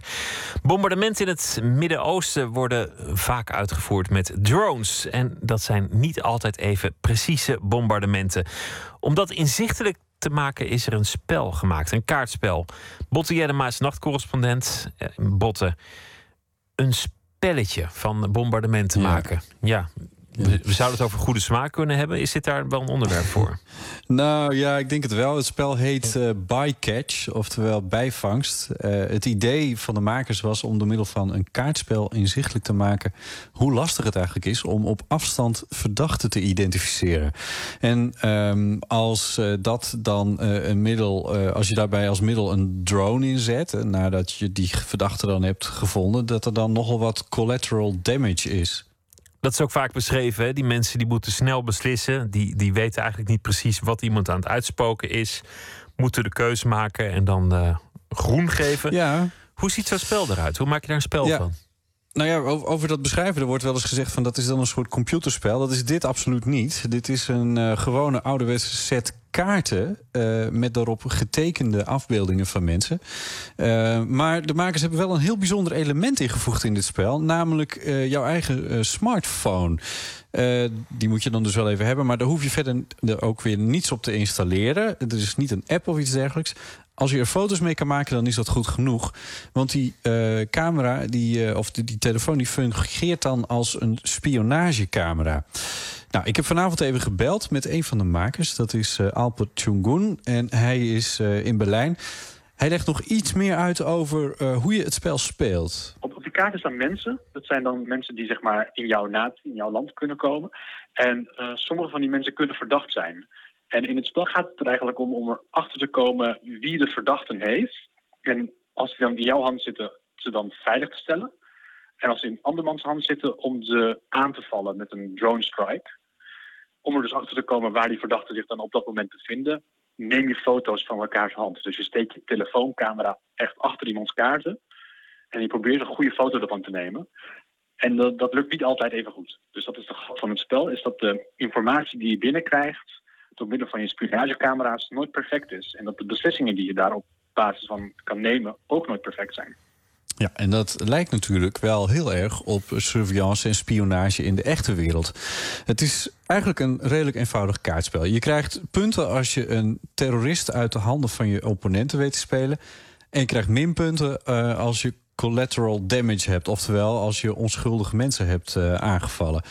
En dat gebeurt sowieso. Het spel kan je in feite niet perfect spelen. Dus je komt er altijd achter dat er kosten verbonden zijn aan wat je doet. En dat er menselijke kosten verbonden zijn. Omdat dus elke kaart staat een mens op. Ja, een serieus onderwerp. Eh, er vallen doden. Vaak blijkt achteraf dat het eh, niet de doden waren die ze hadden willen doen vallen. Dat het onschuldigen zijn eh, omgekomen. Wat willen ze nou eigenlijk met dit, met dit onderwerp? Ja, nou ja, het, het is natuurlijk wel echt een opmerkelijk onderwerp voor dit spel. Maar ehm, Alper zegt van spellen, dat, dat zijn ons medium. Ehm, en het is eigenlijk best een goede manier om zo'n onderwerp inzichtelijk te maken. We willen eigenlijk dat mensen hierover gaan nadenken. En we willen geen standpunt nemen voor of tegen. We willen gewoon dat die mensen zich hiermee gaan bezighouden. En dan gaan denken of het wel... Nou, dat we voor zichzelf gaan denken of het wel of niet goed is. Ja, is dat geloofwaardig? Willen ze werkelijk eh, niemand sturen in de richting van een mening? Of hopen ze wel degelijk dat iemand een standpunt inneemt? Nou, dat is, het is wel de bedoeling dat je als speler uiteindelijk eh, dat eh, doet. Eh, en je kan ook eigenlijk niet anders als je dit spel speelt. En dat is een beetje het vernuftige aan Bycatch. Dat legt spelontwerper Alper even uit. Als je aan, aan het spelen bent, dan moet je je echt met een bepaalde rol identificeren. Het is heel lastig om als je echt iets speelt, dat te doen op een manier die niet echt niet oprecht is. En dat herken ik wel een klein beetje. Want, nou ja, eh, even een paar jaar terug. Maar toen, als ik dan vroeger bijvoorbeeld eh kolonisten van Catan speelde met eh, mijn zus.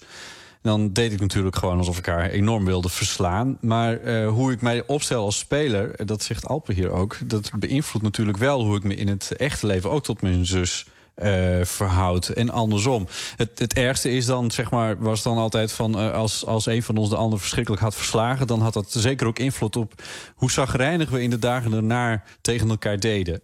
En dat is een manier waarop spellen toch denk ik heel erg makkelijk onder je huid kunnen kruipen. En je, je dingen laten doen waarvan je dan kan denken van ja, ik, heb het, ik vind het heel leuk om onschuldige mensen dood te maken. En dan ga je jezelf bekijken en denk je van oh wacht, was ik het nou die dit heel leuk vond? En als je daar dus een serieus thema aan koppelt, dan heb je dus de, kern van het spelen, pas je dan toe op reflecteren over, over dingen die niet zo leuk zijn. Dus dan ga je dingen doen en dan nadenken of dat wel of niet goed was. En zo is het spel dus een bijzondere manier om over drones na te denken. En misschien zelfs over de jihad. Vertel eens over de, de ontwerpers. Waar komen ze vandaan en wat is hun achtergrond en eh, wat is hun, eh, ja, hun, hun ideologische achtergrond? Nou, ja, dat is een hele goede vraag. Die, zo diep ben ik ook niet gegaan in mijn eh, onderzoekingen. Ik weet wel dat er twee ervan die komen uit eh, Nederland. Het eh, eh, bedrijf bevindt zich deels in eh, eh, Utrecht. Eh, maar een van de medeontwerpers is eh, bijvoorbeeld Indiaas. En eh, die heeft nou ja, heel, heel veel affiniteit met het gebied waar die droneaanvallen dan plaatsvinden. Dat is dan, eh, eh, ja, dat bedoelde natuurlijk eh, Pakistan. En Alpe die vertelde mij van ja, die, die speelde dat spel op een gegeven moment. Gewoon om het ook een beetje te testen. En ze woont in New York, maar ze kreeg echt ruzie met de mensen waar ze het spel mee aan het spelen was. Door de discussie die ze over dat onderwerp drones kregen. Dus ja, ze hebben wel heel verschillende achtergronden. En ja, ik, ik, heb zelf niet het idee dat ze een richting willen uitduwen met een mening over drones. Maar dat het een, een onderwerp is waar we even over moeten nadenken, dat is zo langzamerhand toch echt wel duidelijk. Wat ook duidelijk is, eh, zo blijkt uit alle reportages van journalisten ter plekke, is dat een, een onschuldig slachtoffer eh, zo ontzettend veel kwaad bloed zet dat het eh, de zaak van de geallieerden in bijvoorbeeld Afghanistan absoluut niet helpt. Dat het echt averechts Nee. kan, kan werken. Ja, dat is, dat is natuurlijk ook eigenlijk, ja, ik bedoel, dat, dat is iets wat je op, op, op een kleuterschool nog, eh, nog in de gaten kan krijgen als je groepsprocessen daar ziet. Dus dat is ook niet zo ingewikkeld eigenlijk, hè? Het, het wordt vrij makkelijk om een anonieme vijand te haten die middels een, een machine uit de lucht komt zeilen en eh doodzaait. Ehm, hoe kom je aan dat spel, mocht iemand geïnteresseerd zijn? Nou ja, je moet die kaarten hebben. Hè? De, eh, want het is niet een, eh, een app zoals we dat zo langzamerhand bijna zelfs gewend zijn. Dat je dat maar gewoon downloadt of zo. Eh, dus die moet je bestellen. En dat kan op de. Op, ze hebben er een site voor ingericht. Het kost iets van 12 euro of zo. En als je bycatch googelt, dan kom je er eigenlijk wel. Dankjewel, Botte Jellema. Oké. Melody Gardo heeft een nieuw album. En dat eh, is alweer haar vierde. De titel daarvan is Currency of Man. En het nummer heet It Gonna Come.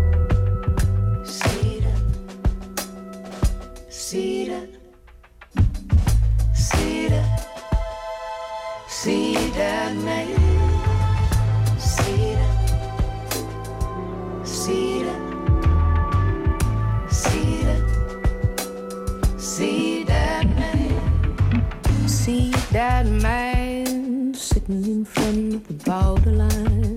He ain't got the time to argue what's yours and what is mine. See that man holding his hand out in desperation.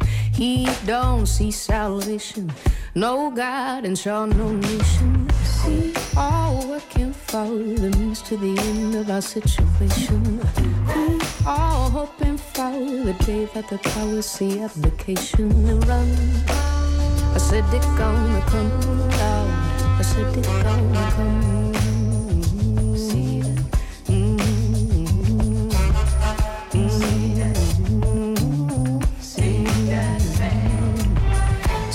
that man? Sitting in front of the jewelry store. He can't walk no more. He just too damn poor. See that man holding his eyes from the glaring sun. He ain't got no one. His hopes all been undone. See, all working for the means to the end of our situation. We all hoping for the day that the powers see application run. I said it gonna come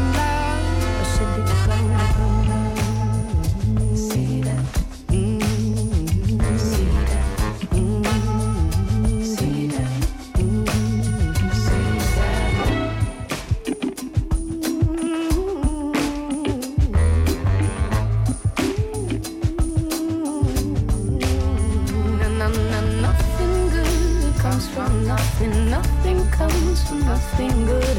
Why you spend the whole day bluffing? Come on, man, do what you should. What you mean, the world ain't easy. What you mean, the world ain't mine. Last I checked, there were no price tags hanging on them shady pines. What you say when you say nothing? What you mean when you say lies? Politician, you got behind them eyes? Cause we all working for the means to the end of our situation. We all hoping for the day that the powers see abdication run. I said it gonna come loud. I said it gonna come.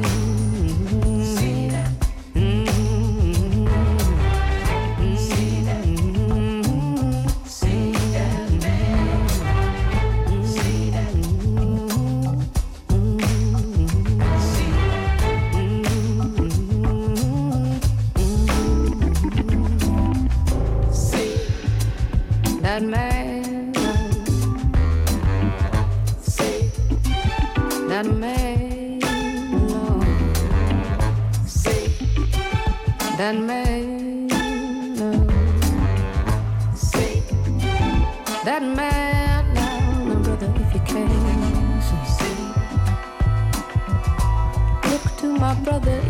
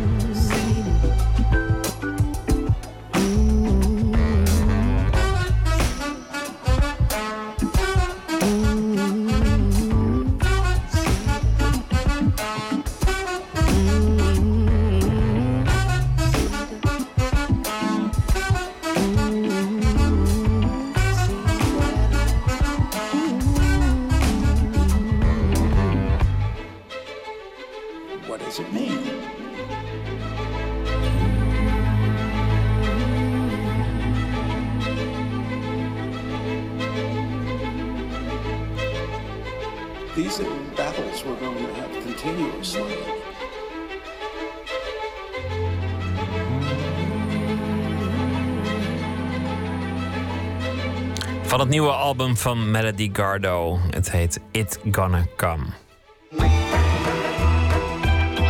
Nooit meer slapen. De eerste etappe van de Tour de France van 2015 zal gereden worden in Utrecht. En ter gelegenheid daarvan, het is een eh, tijdrit, hebben 13 Utrechtse dichters van het Utrecht Stadsdichtersgilde een boek gemaakt. Schaduwpeloton, fiets je eigen Tour de Utrecht in 13 gedichten.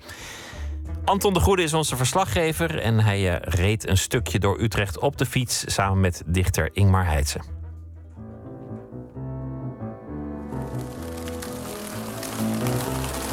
Ingmar.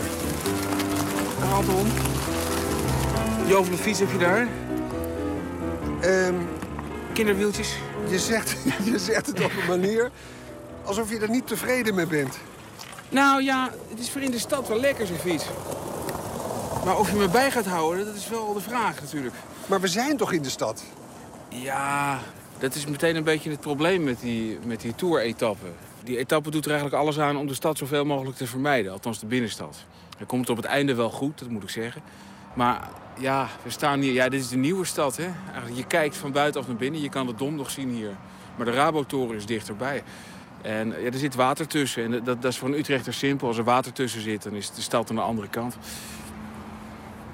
De Tour de France begint dit jaar in Utrecht-West, bij Villa Jongerius. Prachtige villa. Ingmar, wat is het? Dit is eigenlijk een soort Utrechtse Dagobert Duck, meneer Jongerius. Die zat in de Ford-auto's. Achter ons zie je ook, eh, die, die villa is zeg maar gerenoveerd. Die heeft, heeft hij zelf eh, laten ontwerpen en bouwen. Het, gebouw zoals, eh, eh, is, is rood en wit, dat is wel heel Utrechts natuurlijk. Hij heeft hier zelf gewoond met eh, vrouw en tien kinderen. Dus een goed katholiek, had tien kinderen. En het zou kunnen dat je denkt, hé, het lijkt wel een beetje op een tankstation. En dat is ook zo. Die man ging naar Amerika en zag daar tankstations en dacht van, ik, zo wil ik dat mijn woonhuis eruit ziet. Dus dit, dit is eigenlijk zijn villa en daarachter is dan, was zijn fabrieksterrein. Nou, dat is nog niet gerenoveerd. Dat is ligt nog aardig in de poeier. Maar eh, er is ook een grote pergola, die, die, die, gaan ze ook nog herstellen. Eh, dus dit is wel, je ziet hier een imperium eigenlijk, de resten van een imperium. En ja, die villa is weer heel mooi eh, gerestaureerd. En, we staan hier omdat hier, hier kijken straks alle tourbobo's. Vanaf de eerste verdieping kijken ze uit op die, op die tourstart die dan wat verderop is. In dit ja, beetje onogelijke, vlakke, verwaaide eh, stuk Utrecht. Dus je, je hebt uitzicht op de jaarbeurs, de achterkant van de jaarbeurs, parkeergarages, de achterkant van het Holland Casino. eh, en een hoop parkeerplaatsen. En, en dan die gekke villa. En, en, en, en aan de andere kant van het water ligt een parkhaven.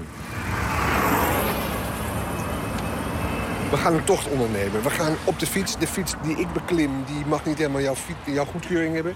En de wieltjes nogal klein. Dat is één ding. Eh, het lijken 26 inch wieltjes, dus dat- daar win je de tijdrit niet mee. Ja, verder is het wel goed. Het is een- zo'n zo'n zo'n personal bike, dat is wel lekker. De, de- hij, hij is stevig genoeg voor een paar kinderzitjes. En waar rij je zelf dan op? Ik, ik rij snel zelf op een, eh, op, op een, op een snel safari. Eh, snel is een, is een, is een eh, eh, Utrechtse eh, eh, fietsfabrikant.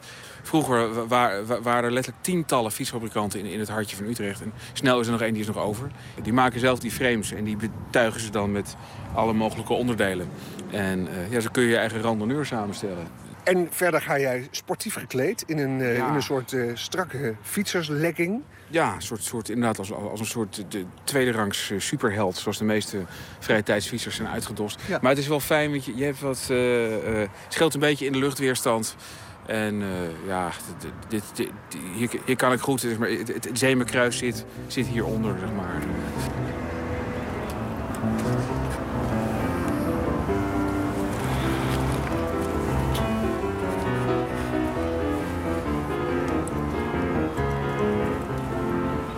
Je kunt fietsend praten. Ja, ja zeker. K- kan jij het? Want jij moet ook nog fietsen interviewen. Dus eh, beste luisteraars, het is niet gering wat eh, meneer de Goede hier presteert. Ik hoop het goed af. Ik blijf een beetje uit je buurt, want voor liggen we samen in het, eh, kanaal. Eh, we, we verlaten nu de Villa Jongerius. We gaan hier over de kanaalweg. Eh, er moet bijgezegd, volgens mij gaan die renners niet hier over, maar aan de achterkant hebben ze meer ruimte. Het, is geen het mag geen proloog heten, hè, dat is belangrijk. Het schijnt dat hij daarvoor te lang is. Het schijnt dat een proloog maar 8 kilometer mag zijn. Tenminste, dat is me ingepeperd door iemand. Eh, dus, dus een eerste etappe en een tijdrit. Ja, jij, we fietsen nu met jou omdat je eh, een, een boek hebt gemaakt. Met Ja. dichters, het Utrechtse dichtersgilde. Eigenlijk heb je gezegd, het Utrechtse dichtersgilde en de Tour de France... die eh, zijn hier samengegaan. Hè? Ja, ja. Wat is het idee achter dat project? Nou ja, dat- dat, boek, ik moet erbij zeggen, ik heb het niet, niet, niet zelf gemaakt. Het is een ideetje dat, dat, dat is ontstaan in het gilde. Volgens mij heeft onze gildemeester Alexis de Rode er het hardst aan getrokken. Maar op een gegeven moment was het erdoor dat we een boekje zouden maken. En toen zeiden ze, ja, maar wat voor locaties moesten we dan eigenlijk doen?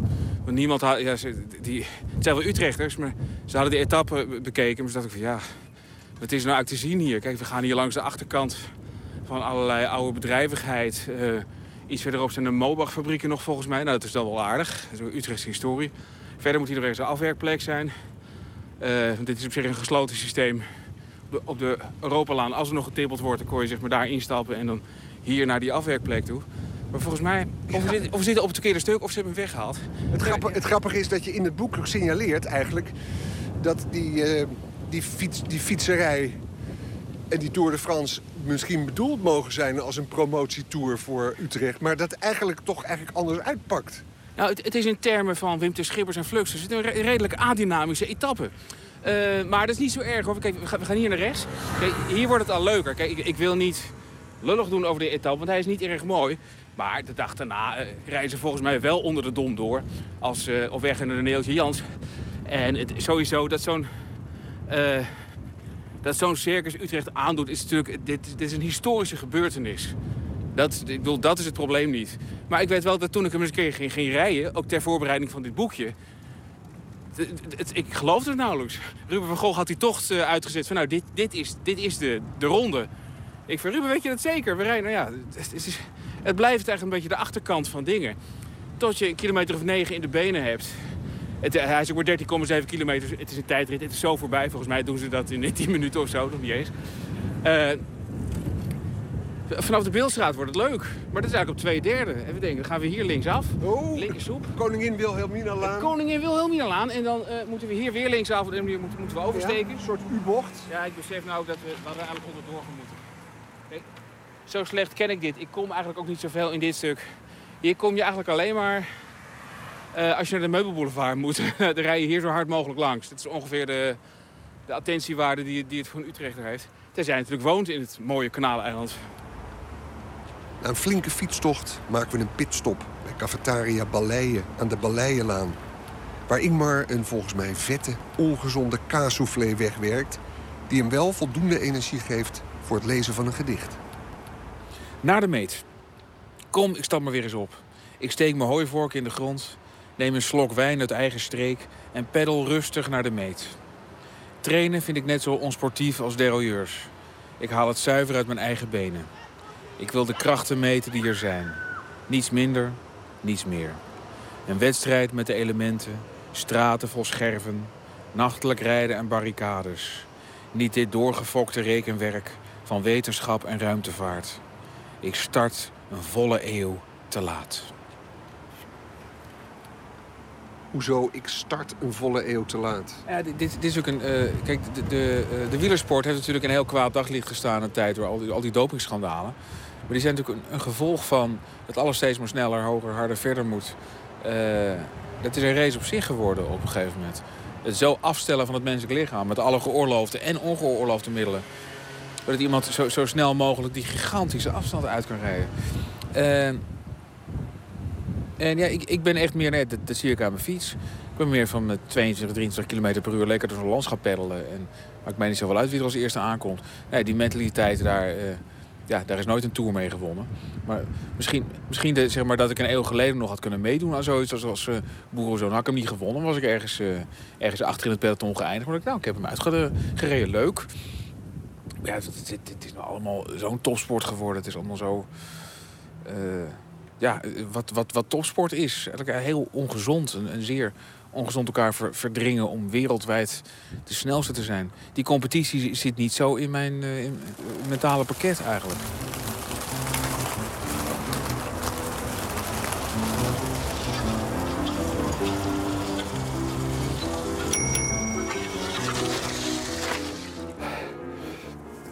Ja, even eh, hier eh, halt houden, Ingmar. We zijn weer teruggekomen op de plek bij Villa Jongerius, Utrecht. We hebben eigenlijk een rondje gereden. Ik wil je danken voor je tour en voor je verhalen. En voor de dichtbundel niet in de laatste plaats. En nog laatste vraag, wanneer is die Tour de France in Utrecht voor jou geslaagd straks? De Tour de France zal zijn geslaagd als de laatste renner de grenzen van de regio heeft verlaten om niet meer terug te keren. En eh, als het laatste dranghek is weggeborgen en alles weer teruggaat naar normaal en het allemaal achter de rug is. En dan begint het grote genieten. Ja, geweldig. Wat fietsen met jou doet, maakt in ieder geval een dichterlijke ader eh, vrij. Het gaat je goed op je safari. Het gaat je goed. Ingmar, tot kijk. Dag. Hoi. Hoi.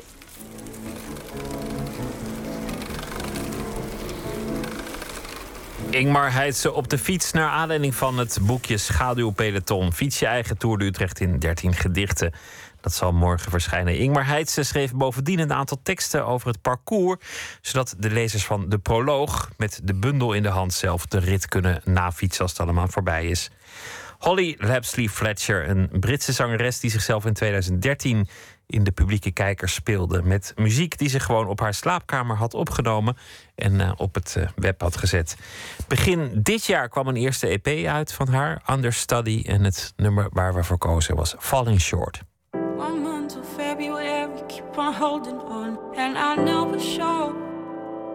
And I know short.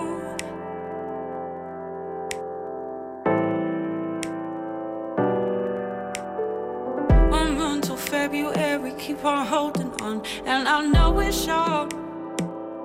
And I know it's short.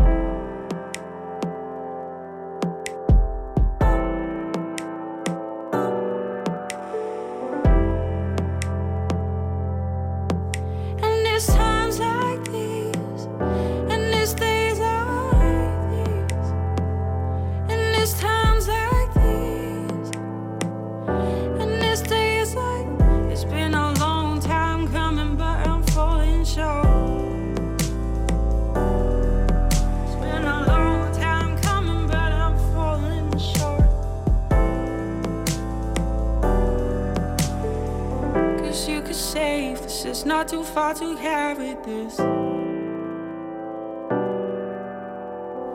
Cause you could save this, it's not too far to carry this. Cause you could save this, it's not too far to carry this. Cause you could save this, it's not too far to carry this.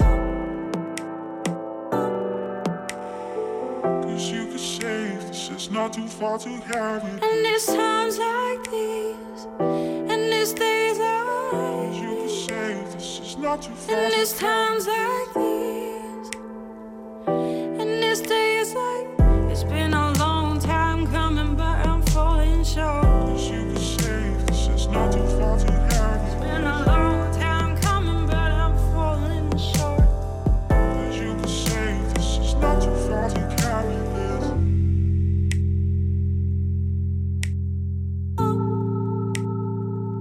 far to carry this.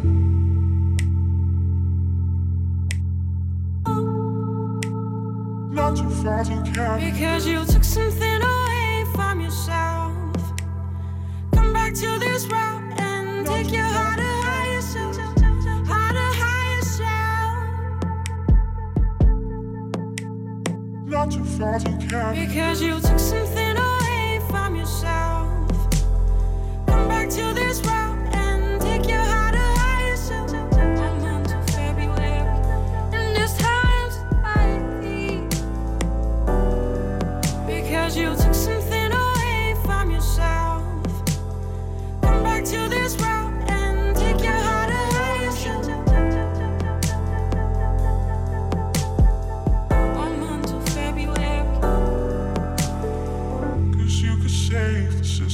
far to carry this. Cause you could save this, it's not too far to carry this.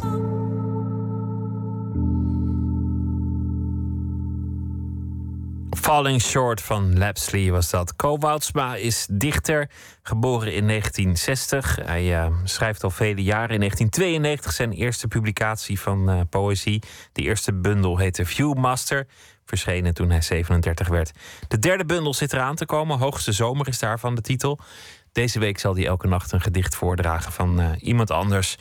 Vannacht is dat Marines Nijhoff geworden. Florentijns jongensportret.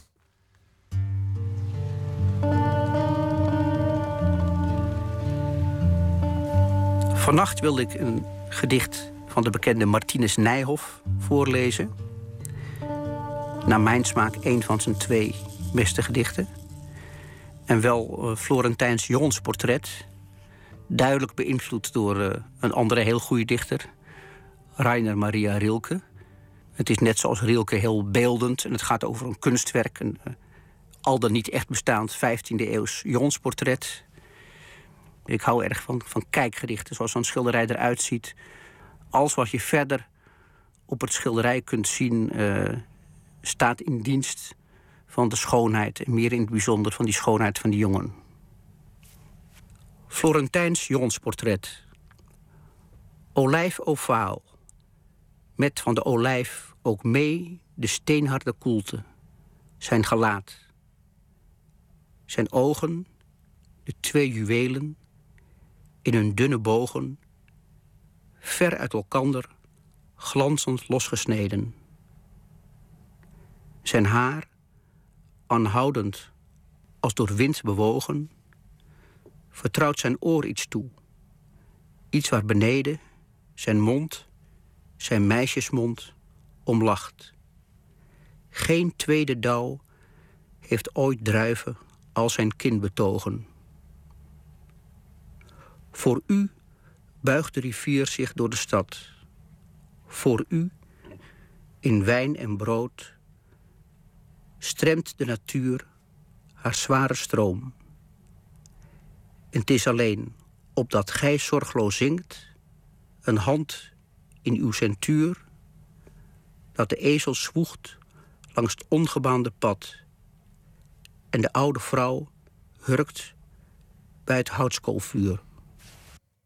Dichter Ko Woudsma las zijn favoriete gedicht van Marinus Nijhoff. Florentijns jongensportret. En morgen zal hij weer een gedicht voordragen in Nooit Beslapen. Morgen gaat het over mannenkleding. Dan zit hier eh, Esther Naomi Perkin en die zal praten met... eh Sjaak Hullekes, want de Nederlandse man heeft de reputatie buitengewoon slecht gekleed door het leven te gaan. Maar geleidelijk aan is dat eh, aan het veranderen. En dit weekend start de tweede editie van het Fashion Festival Arnhem. Daar zal modeontwerper Sjaak Hullekes ook zijn. Hij heeft een kledinglijn voor mannen. En dat is een eh, stijl die wordt omschreven als het nieuw Nederlands klassiek.